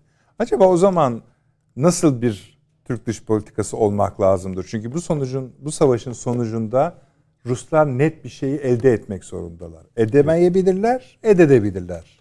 O kısım ayrı bir konu. İbrahim Ama Kalın'ın açıklaması onu gösteriyor Güzel. zaten. Tamam. Bunu biraz konuşalım isterim. Çünkü o an bambaşka bir dünya çıkacak karşımıza. Peki. Hemen geliyoruz efendim. Reklamlarımızı tükettik efendim. Süleyman hocamızdayız ve buyurunuz hocam. Estağfurullah. Şimdi bu Amerika'nın dünya dayatmaları üzerine konuşuyorduk. Ee, ellerinde bir liste var. Şimdi hani eskiden hür dünya, komünist dünya diye ayırıyorlardı. Şimdi e, demokratlar ve Demokrasi olmayan. otokratlar. Evet. E, bu aslında dinsel aforoz sisteminin dünyevi çeşitlemeleri bunlar. Yani Evet, evet. müm yani kafirler ve e, inananlar eylemle aforoz. Bildikleri bu. Yani bunu yapıyorlar şimdi. Bir aforoz sisteminin işlemesi için o değerler alet ediliyor. Yoksa o değerlerin kendi başına e, değersizlikleriyle ilgili bir şey söyleyecek o halimiz yapıyor. yok. O- Onları da değersizleştiren o. İşte zaten mesele değerleri değersizleştirmekle ilgili. Eyvallah. Yani. Şimdi bunu da nasıl işletiyorlar mekanizma olarak? Demin aramızda reklam arasında konuşuyorduk. Ee, Carl Schmitt, Alman siyaset felsefecisi, hakimiyeti istisna koyma kudreti olarak tarif ediyor. İstisna koyabilen hakimdir. Bu şu demek. Değerleri istediğim gibi böyle elimdeki lastik toplar gibi oynayabileceğim. Yani bütün ilkesel bağlamlarından çıkaracağım. Çünkü değerleri ilkeler yönetir. Yani bir yerde bir şey kötüyse o başka yerde iyi olamaz. Bu ilkesel bakış Kant'ın meşhur e, şeyiyle yaklaşımıyla. Böyle bir disiplin yok. Beyefendilerin takdirlerine göre oluyor. Yani en olmadık biri de e, otokrat sayılabilir. En otokrat biri, de demokrat sayılabilir buna göre. Bunu ne belirliyor? Tabii ki çıkarlar belirliyor. Demin e, hocamızın söylediği, e, vurguladığı mesele değerlerin bu kadar yozlaştırılması bir bakıma da değerlerin tabanlarının şaşmasıyla alakalıdır. Yani değerler zayıflardan, kaybedenlerden, eşitsizliğin e, kurbanı olan, adaletsizliğin kurbanı olan çevrelerden temellendirilerek savunuluyorsa bu anlamlı bir şeydir. Orada ilkeleri yaşatabilirsiniz. Ama bütün bunları görmezden gelerek. Demin ne dedi hocamız? 100 milyon kişi dünyada veya başka bir hesaba göre dünya zenginliğinin e, zenginliğinin yüzde ellisini elinde tutan yüzde bir belki biraz bile daha fazla insanlığın yarısının sahip olduğu zenginliğe sahip. Şimdi bu bu korkunç bir şey. Zaten Yani başka bunların- neden savaş çıkacak başka Evet, yani bunların ayrıcalıklarının sürdürülmesi için bir takım değerler bunlar için seferber ediliyor. Yani durumu vahametini düşünebiliyor musun? Neye inanacağız? Neye yaslanacağız? Bunu da kaybediyoruz. Biden'ın davet ettiği Demokratlar Kulübü'ne mensup devletler. Bir bakalım o listede kimler var. Biz yokuz bir kere. Ha, Biz yokuz. Ama Birleşik Arap Emirlikleri var galiba. Tabii çok vardır. Hatta Ya ne kadar demokratmış yani. o listeyi. Da başkaları da vardı. lazım yani. da var yani. Ve o listeyi Biden ileri yaşında yaşadığı bir takım mental problemler yüzünden mi şaşırarak hazırladı? Yoksa yani ortada çok acayip bir tablo var. Hani mesela komünist dünya, hür dünya anlayabiliyordunuz yani hepsinin kendine göre bir ekonomi politiği vardı filan tamam. Ha mesela şimdi tam yer Ya öğrenelim şu Hindistan demokrat- hayır Hindistan çağrılmış. Çağrılmış. Çağrılmış. Şimdi Şimdi, bak oldu. Üzerinden Allah. tabii bir anda Yani 3 ayda falan tabii 11'in 7'si. metamorfoza uğradı ve Tabii.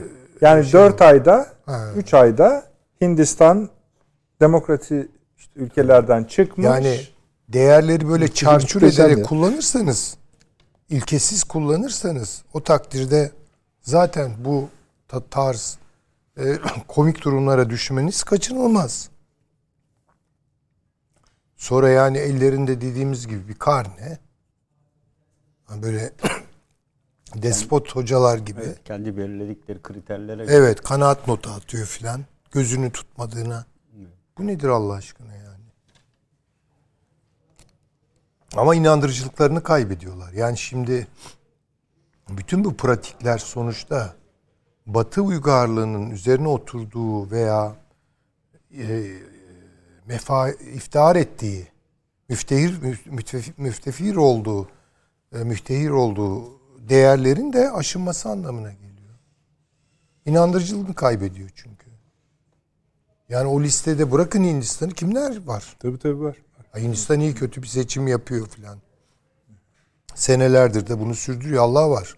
Bence en başarılı demokratik ülkelerden biridir. Ee, de- askeri darbe görmemiştir filan. O yokluk ve yoksulluk içinde seçim çarkını iyi kötü O kadar çeviriyor. Ha, nüfus. o kadar nüfus.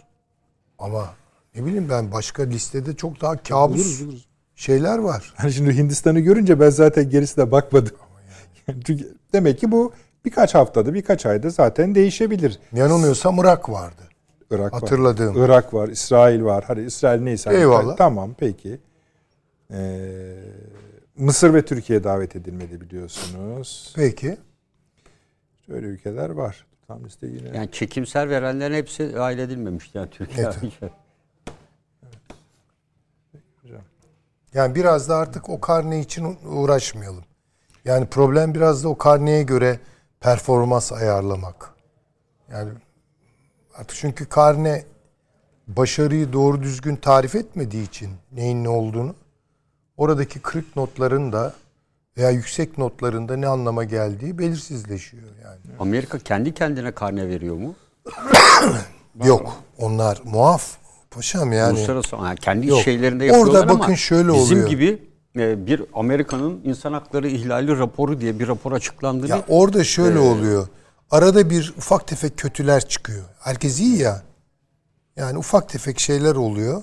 Onların da filmini falan yapıp aslında ne kadar açık toplum ve sorgulayıcı olduklarını filan. Peki. Gelelim mi öbür konumuza? Bayağı. Buyurunuz. Bu savaşın akıbetine ilişkin. Daha Çok doğrusu hassas akı- bir konu. Çok bence de öyle. Hani sadece akıbeti değil. Ha, kim kazandı, kim kaybetti diye elimizi yıkayıp çıkabileceğimiz bir şey değil bu. Olduğu gibi bizi ilgilendiren bir mesele. Bir kere şu tuzağa bence düşmemek gerekiyor. Yani NATO ilişkileri e, zaman zaman dalgalanma gösterebilir ama esas da Türkiye ile Amerika güçlü bir ortak çıkara ve paydaya sahiptir. E, bunun düzelme eğilimi gösterdiği noktalarda Türkiye'de bir NATO mensubu devlet olarak üstüne düşeni yapmalıdır. Bu yanlış. Fiilen yanlış bir şey. Niye yanlış bir şey? Bunun karşılığını dede ağaç veriyor bize. Yani Baltıklardan aşağı doğru bir hat çekilmiş. Dede ağaç en aşağıda da Girit ve Türkiye Kıbrıs. ya, ya Güney Türkiye bunun dışında, dışında, bırakılmış. Yani yeni NATO konsepti bu coğrafyada Türkiye'yi zaten dışarıda bırakıyor. hadi dön gel Türkiye denilecek bir durum da yok.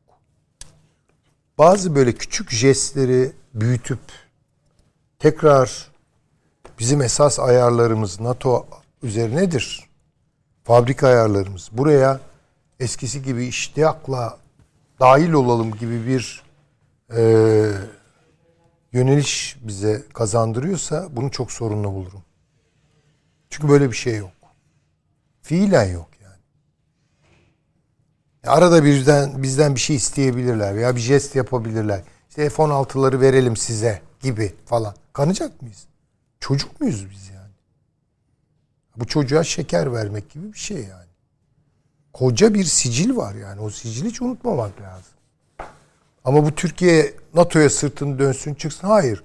NATO'ya karşı NATO e, üyesi bir devlet olarak. Bu tabii e, Türkiye'nin bir kere tarihsel e, havzasını yeniden oturtmasıyla alakalı. Ben hep söylüyorum burada. Türkiye bir Asya gücü değildir. İki şeyi birbirine karıştırıyoruz. Avrasya ve Asya'yı.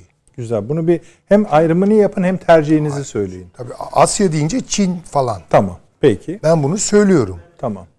Torunlarımın, çocuklarımın Çin'in hegeman olduğu bir dünyada yaşamasını asla istemişti. Demin gördüğümüz Şangay e, manzaralarıdır. Bir değer üretmiyor. Bir hikayesi yok. İnsanlığa sunduğu bir umut falan yok. Ama biz Avrasya gücüyüz. Yani Asya ile Avrupa'nın arasındaki Koridor bizim. o koridordayız biz. tabii tabii. Ve bu bizim güneyimizden Akdeniz'le buluşmamızı sağlıyor. Yani Türkiye Akdenizli bir Avrasya gücüdür. Bunu doğru düzgün tarif edelim. Edelim. Dolayısıyla Asya ile Avrupa arasında denge kollayalım.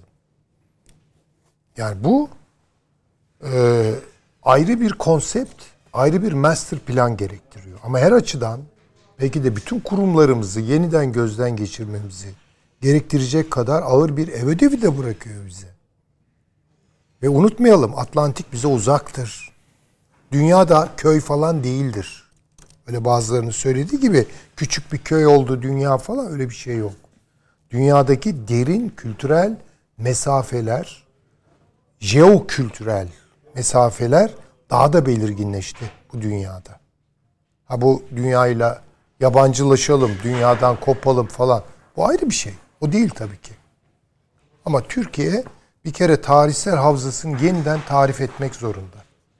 Peki. Ve onun da karşılıklı çıkar ama en başta da tabii Türkiye'nin çıkarları üzerinden yeniden şekillendirilmesi. Burada NATO'nun içinde böyle bir aktör olarak yer almak. Yani Tarihsel havzasının tarifi biz bugüne kadar e, bir imparatorluk dönemimiz var bizim.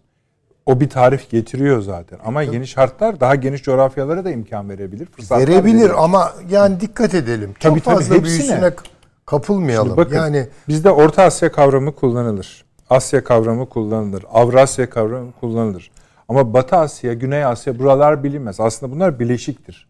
Ve ama mesela uluslararası ilişkilerde kategorik olarak tarif edilir. Yani Wikipedia'ya gidip Batı Asya ya da Güney Asya yazdığınızda size tam olarak o ülkeleri sayar. Mesela bunları da baştan öğrenmemiz gerekiyor bence. E, tabii ki öğrenmemiz gerekiyor. Yani Türkiye'nin Asya açılımı başka bir şeydir. Bence talidir. Önemsizdir diyemiyor, demiyorum.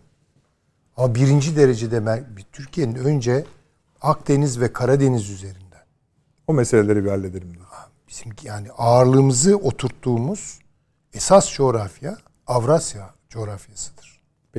Ve burada Amerikan varlığı, İngiliz varlığı, Fransız varlığı bu bunların hepsi e, ikinci derecededir. Burada iki tane çok büyük güç var. Bence üç tane.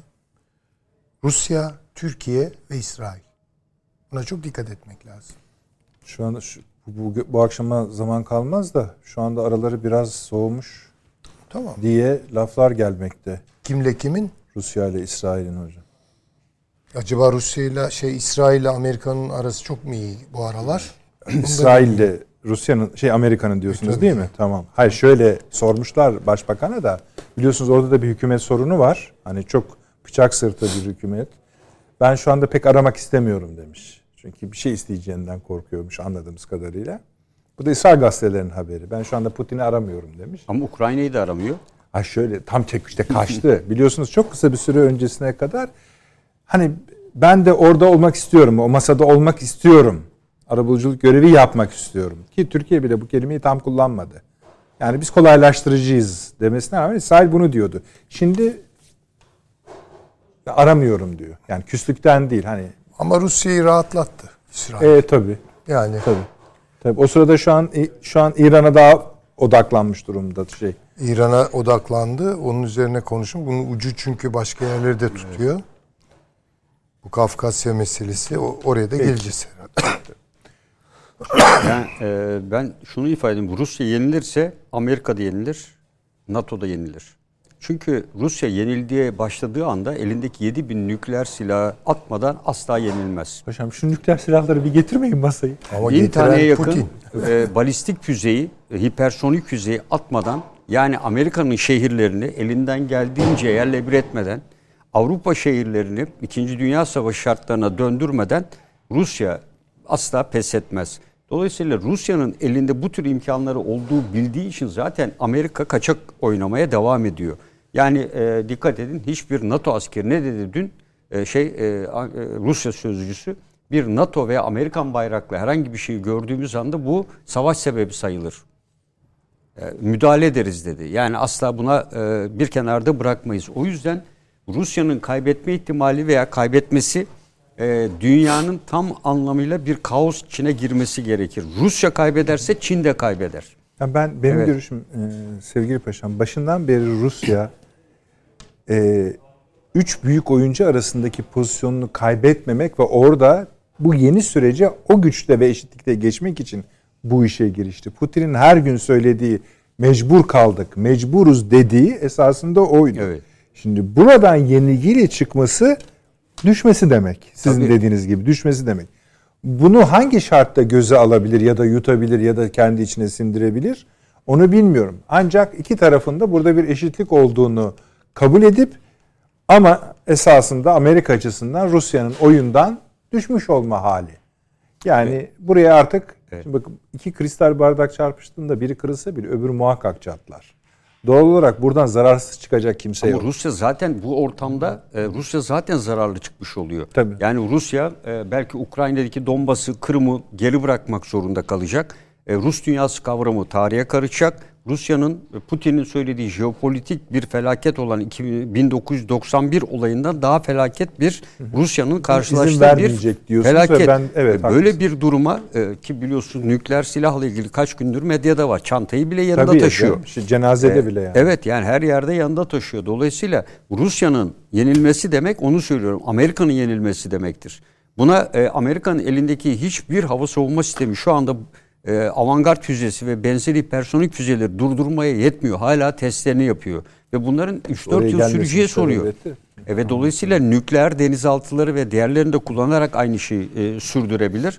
E, ben e, özellikle bunu hatta diyorum ki ben daha ileri yani Çin'in vesairenin de e, yenilmesi anlamı taşır. Çünkü Çin yalnız kalır böyle bir e, ortam içerisinde. Çin'in elindeki nükleer silah sayısı sınırlı, hipersonik füze sayısı sınırlı ve içinde bulunduğu şartlar var. Ve Çin'in içerisinde de ben çok ciddi bir şekilde halk hareketleri başlayabilir. Yani Sincan'dan olsun, Tibet'te olsun ve diğer bölgelerde olsun Çin de bölünebilir böyle bir süreç içerisinde. Çünkü Çin bunun dışında kalamaz. Aynı anda Kuzey Kore faaliyete girecektir. Yani böyle bir durumda Kuzey Kore'nin nükleer füzeleri veya benzeri balistik füzeleri artık Amerika'yı vurabiliyor.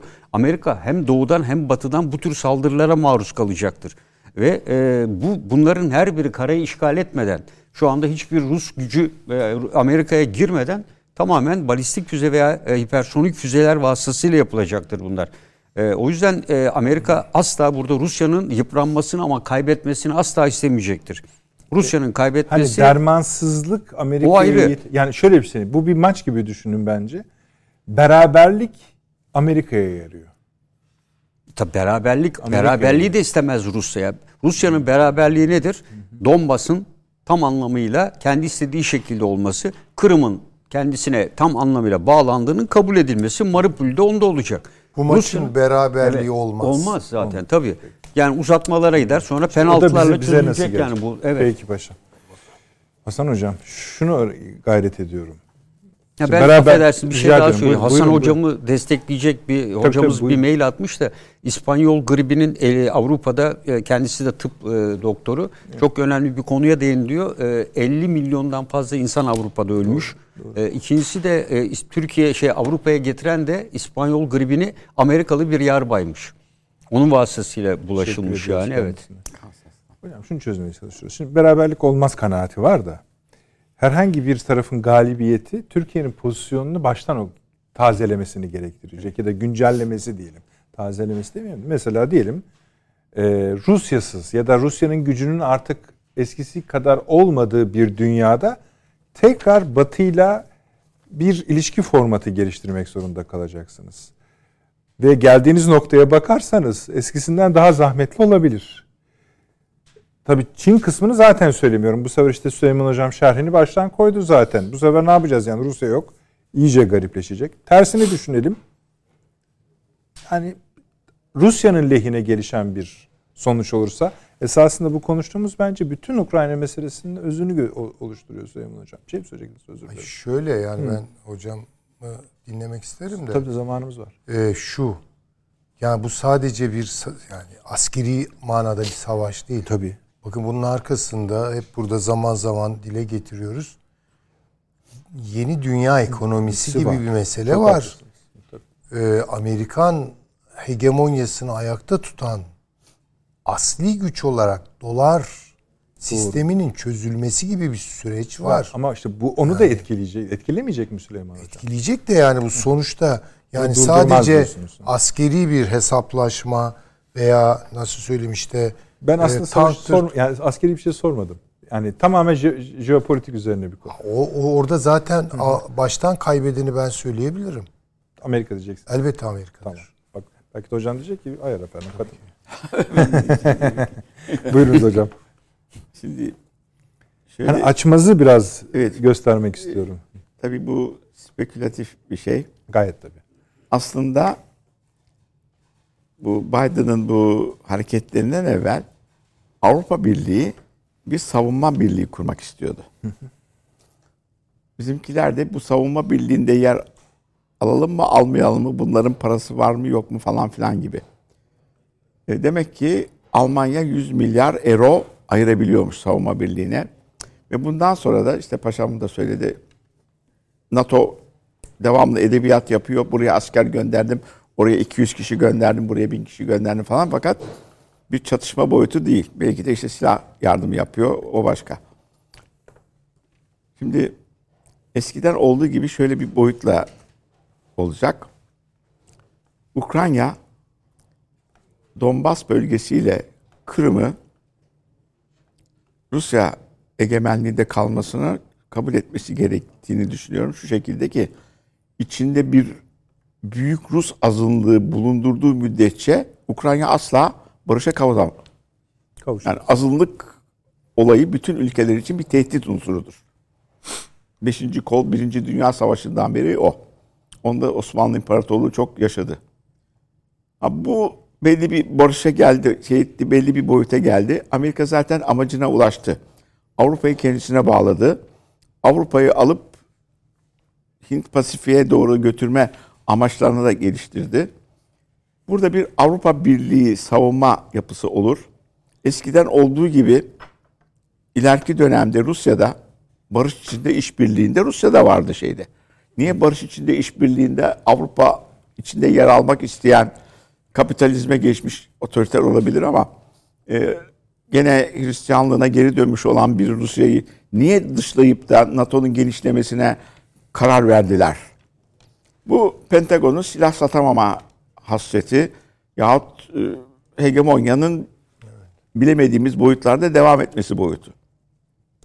Ha, Ondan sonra kendisi Amerika'nın Anglo-Saksonlarla birlikte gene Pasifik'te işte Avustralya var, Yeni Zelanda var, e, İngiltere var, Kanada var. Bu hatlarda zaten Latin Amerika, Amerika'nın tuz madenleri durumunda habire sosyalist olanları gidip tokatlıyor. Böyle bir hakkı var mı yok mu?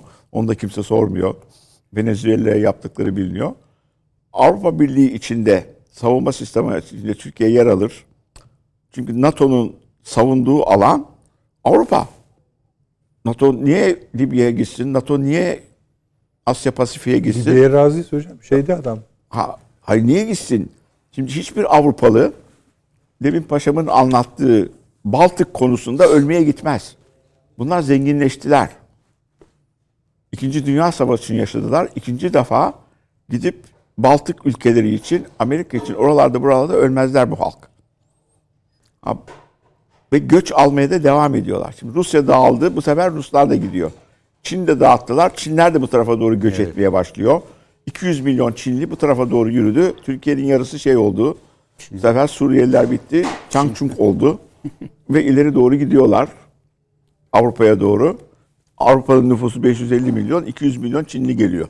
Dağılmış çünkü Çin. 1, 1 milyar 400 milyonluk Çin dağılmış sağa sola. Bu mümkün değil. Türkiye'nin aynı zamanda Asya'da Türk keneşi şimdi şey diyorlar. Devlet teşkilatı. Devlet, Devletten teşkilatları var. Bu da çok önemli. Bu hem Rusya'yı dengeleyecek ekonomi gelişmesi çünkü Türkiye tipi kalkınma modelleri uzlamak istiyorlar. Avrupa savunma sistematiği içinde biraz sonra tahmin ediyorum Rusya'da gene bu barış içinde işbirliğiyle bu sistemin içinde yer alır. Bu sefer e, Ukrayna'nın da ben Avrupa'ya girmek istiyorum sebebi şimdiye kadar Avrupa'da yaşamanın çok lüks ve rahat olacağı ve müthiş demokrasi olacağı konusundaki imaj. O imaj olmayacak. Bu kadar kalabalıkların yerleştiği bir göç aldığı Avrupa'da o eski rahat demokratik boyutlardaki bir Avrupa olmayacak. O imaj bitti. Ha, onu da görecekler. Ama bu tür yapılaşmanın ileride bir çözüm oluşturacağını nükleer savaşa gitmeden zaten nükleer savaş çıktıktan sonra Allah'tan ki bu yaşa gelmişiz diyorum. Geri kalanlara Allah kuvvet versin. Allah size de ömür versin. Yani ondan sonra bitti bu iş. Bulunduğu yere 100 sene giremiyorsunuz. Radyasyonlar yayılıyor, bilmem neler yayılıyor. Ondan sonra neler deneyecekler. Burada birilerinin kendilerini tutması gerekiyor. Yani neyse istedikleri oldu Amerika'nın. Bundan daha fazlası bütün dünyayı tehdide götürüyor. Ya 500 tane baba üniversiteleri var. Bir Harvard'ın research'ı hazırladığı parayı bizim toplam üniversiteleri iki senede toplayamaz. Yani bu kafalara sahip bir ülkenin bu kadar çılgın olmaması gerektiğini de düşünüyorum. Peki.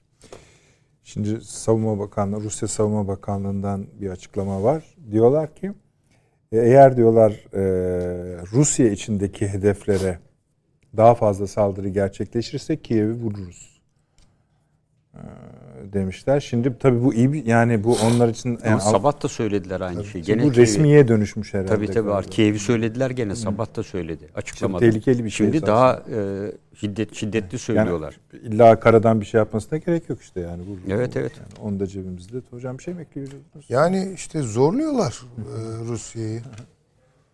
Açık, söyleyelim yani.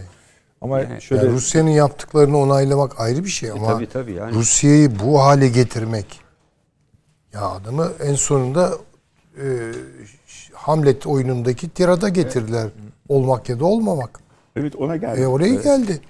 E şimdi o zaman ya ben yok olacaksam eğer bunun bedelini ödetirim diyor adam. Tabii, tabii. Seni de yok ederim diyor.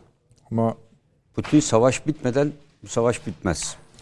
ama ama diyorum kalıyorum hep ama ama diyerek ama Türkiye'nin bu durumdaki pozisyonunu söylemediniz. Evet.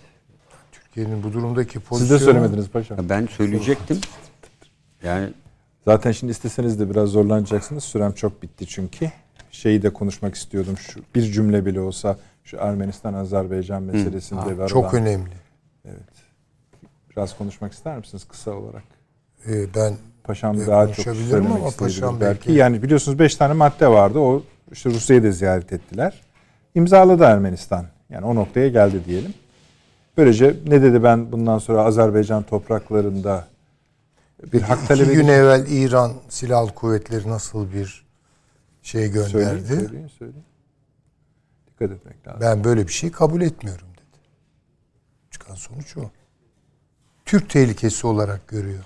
Öyle. Azerbaycan, Türkiye, şimdi Ermenistan'la Azerbaycan anlaştı. Bu hatta Rusya'ya bile yani biraz çekil artık biz kendimiz bu işleri götürebiliyoruz. Rusya Ukrayna meselesinde olmasaydı zaten bu kadar bence e, Yapamazlar. düşünmüyordum yani evet. Yapamazlar. Bunlar biraz da işte bu yeni oluşumları da yakınlaşmaları da Şimdi besliyor. ama tehlikeli Türkiye, olan İsrail vesaire. tabii tehlikeli olan şey şu. Rusya muhtemelen şu an tabii yoğunlaştığı yer başka. Burada Türk-İran geriliminin tırmanmasını isteyecektir. Evet. Bu da Türkiye ile İsrail'i yakınlaştıracaktır. Bu da Türkiye ile İsrail İşte yani yakınlaştı. zincir, işte o zincir şey bir zincir, şekerden bir zincir. Evet. O zaman da ne olacaktır? Birileri Ada Avrupa'sında zil takıp oynayacaktır. Adı Avrupa'sında. Zaten 2-3 maddesinde bir sorun yok yani o Dışişleri Komisyonu vesaire de tek Zengezur koridoruyla Laçin yani o e, Laçin'e e, koridorunun e, ve Zengezur koridoru arasındaki Sayın bir Aliyev'in bayağı bir konuşması var o anlaşmada. Memnun oldukları anlaş, anlaşılıyor. evet. E, Biz de memnunuz gayet tabii Çok ama iyi bir zamanlama yaptı ve çok iyi bir strateji izliyor. tabii, tabii. mayınlar da zamanlamadan mesela- Ukrayna'yı da kastettiğinizi anlıyorum. Çok doğru, haklısınız. Bakü'ye de iyi iş çıkardığını söyleyeyim. Süleyman Hocam çok teşekkür ediyorum. Sağ olunuz. Paşam ağzınıza sağlık. olun. Hasan Hocam. Yorduk değil mi bu akşam sizi? Biraz Yo- çok yo, konuşturduk. Çok iyiydik. Eksik olmayınız. Çok güzel- çok faydalı şeyler söylediniz. Ben de öğrendim epeyce arkadaşlar. Eksik olmayınız. Evet. Efendim yarın işte öyle civarında YouTube'da yine yüklenmiş olacak. Oradan çok e, takip edildiğini biliyoruz.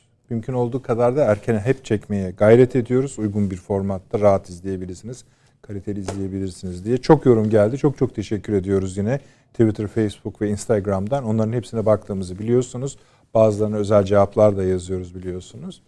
O katkılara, yani görsel katkılar da dahil çok teşekkür ediyoruz. Hep bekliyoruz. İyi geceler diliyoruz.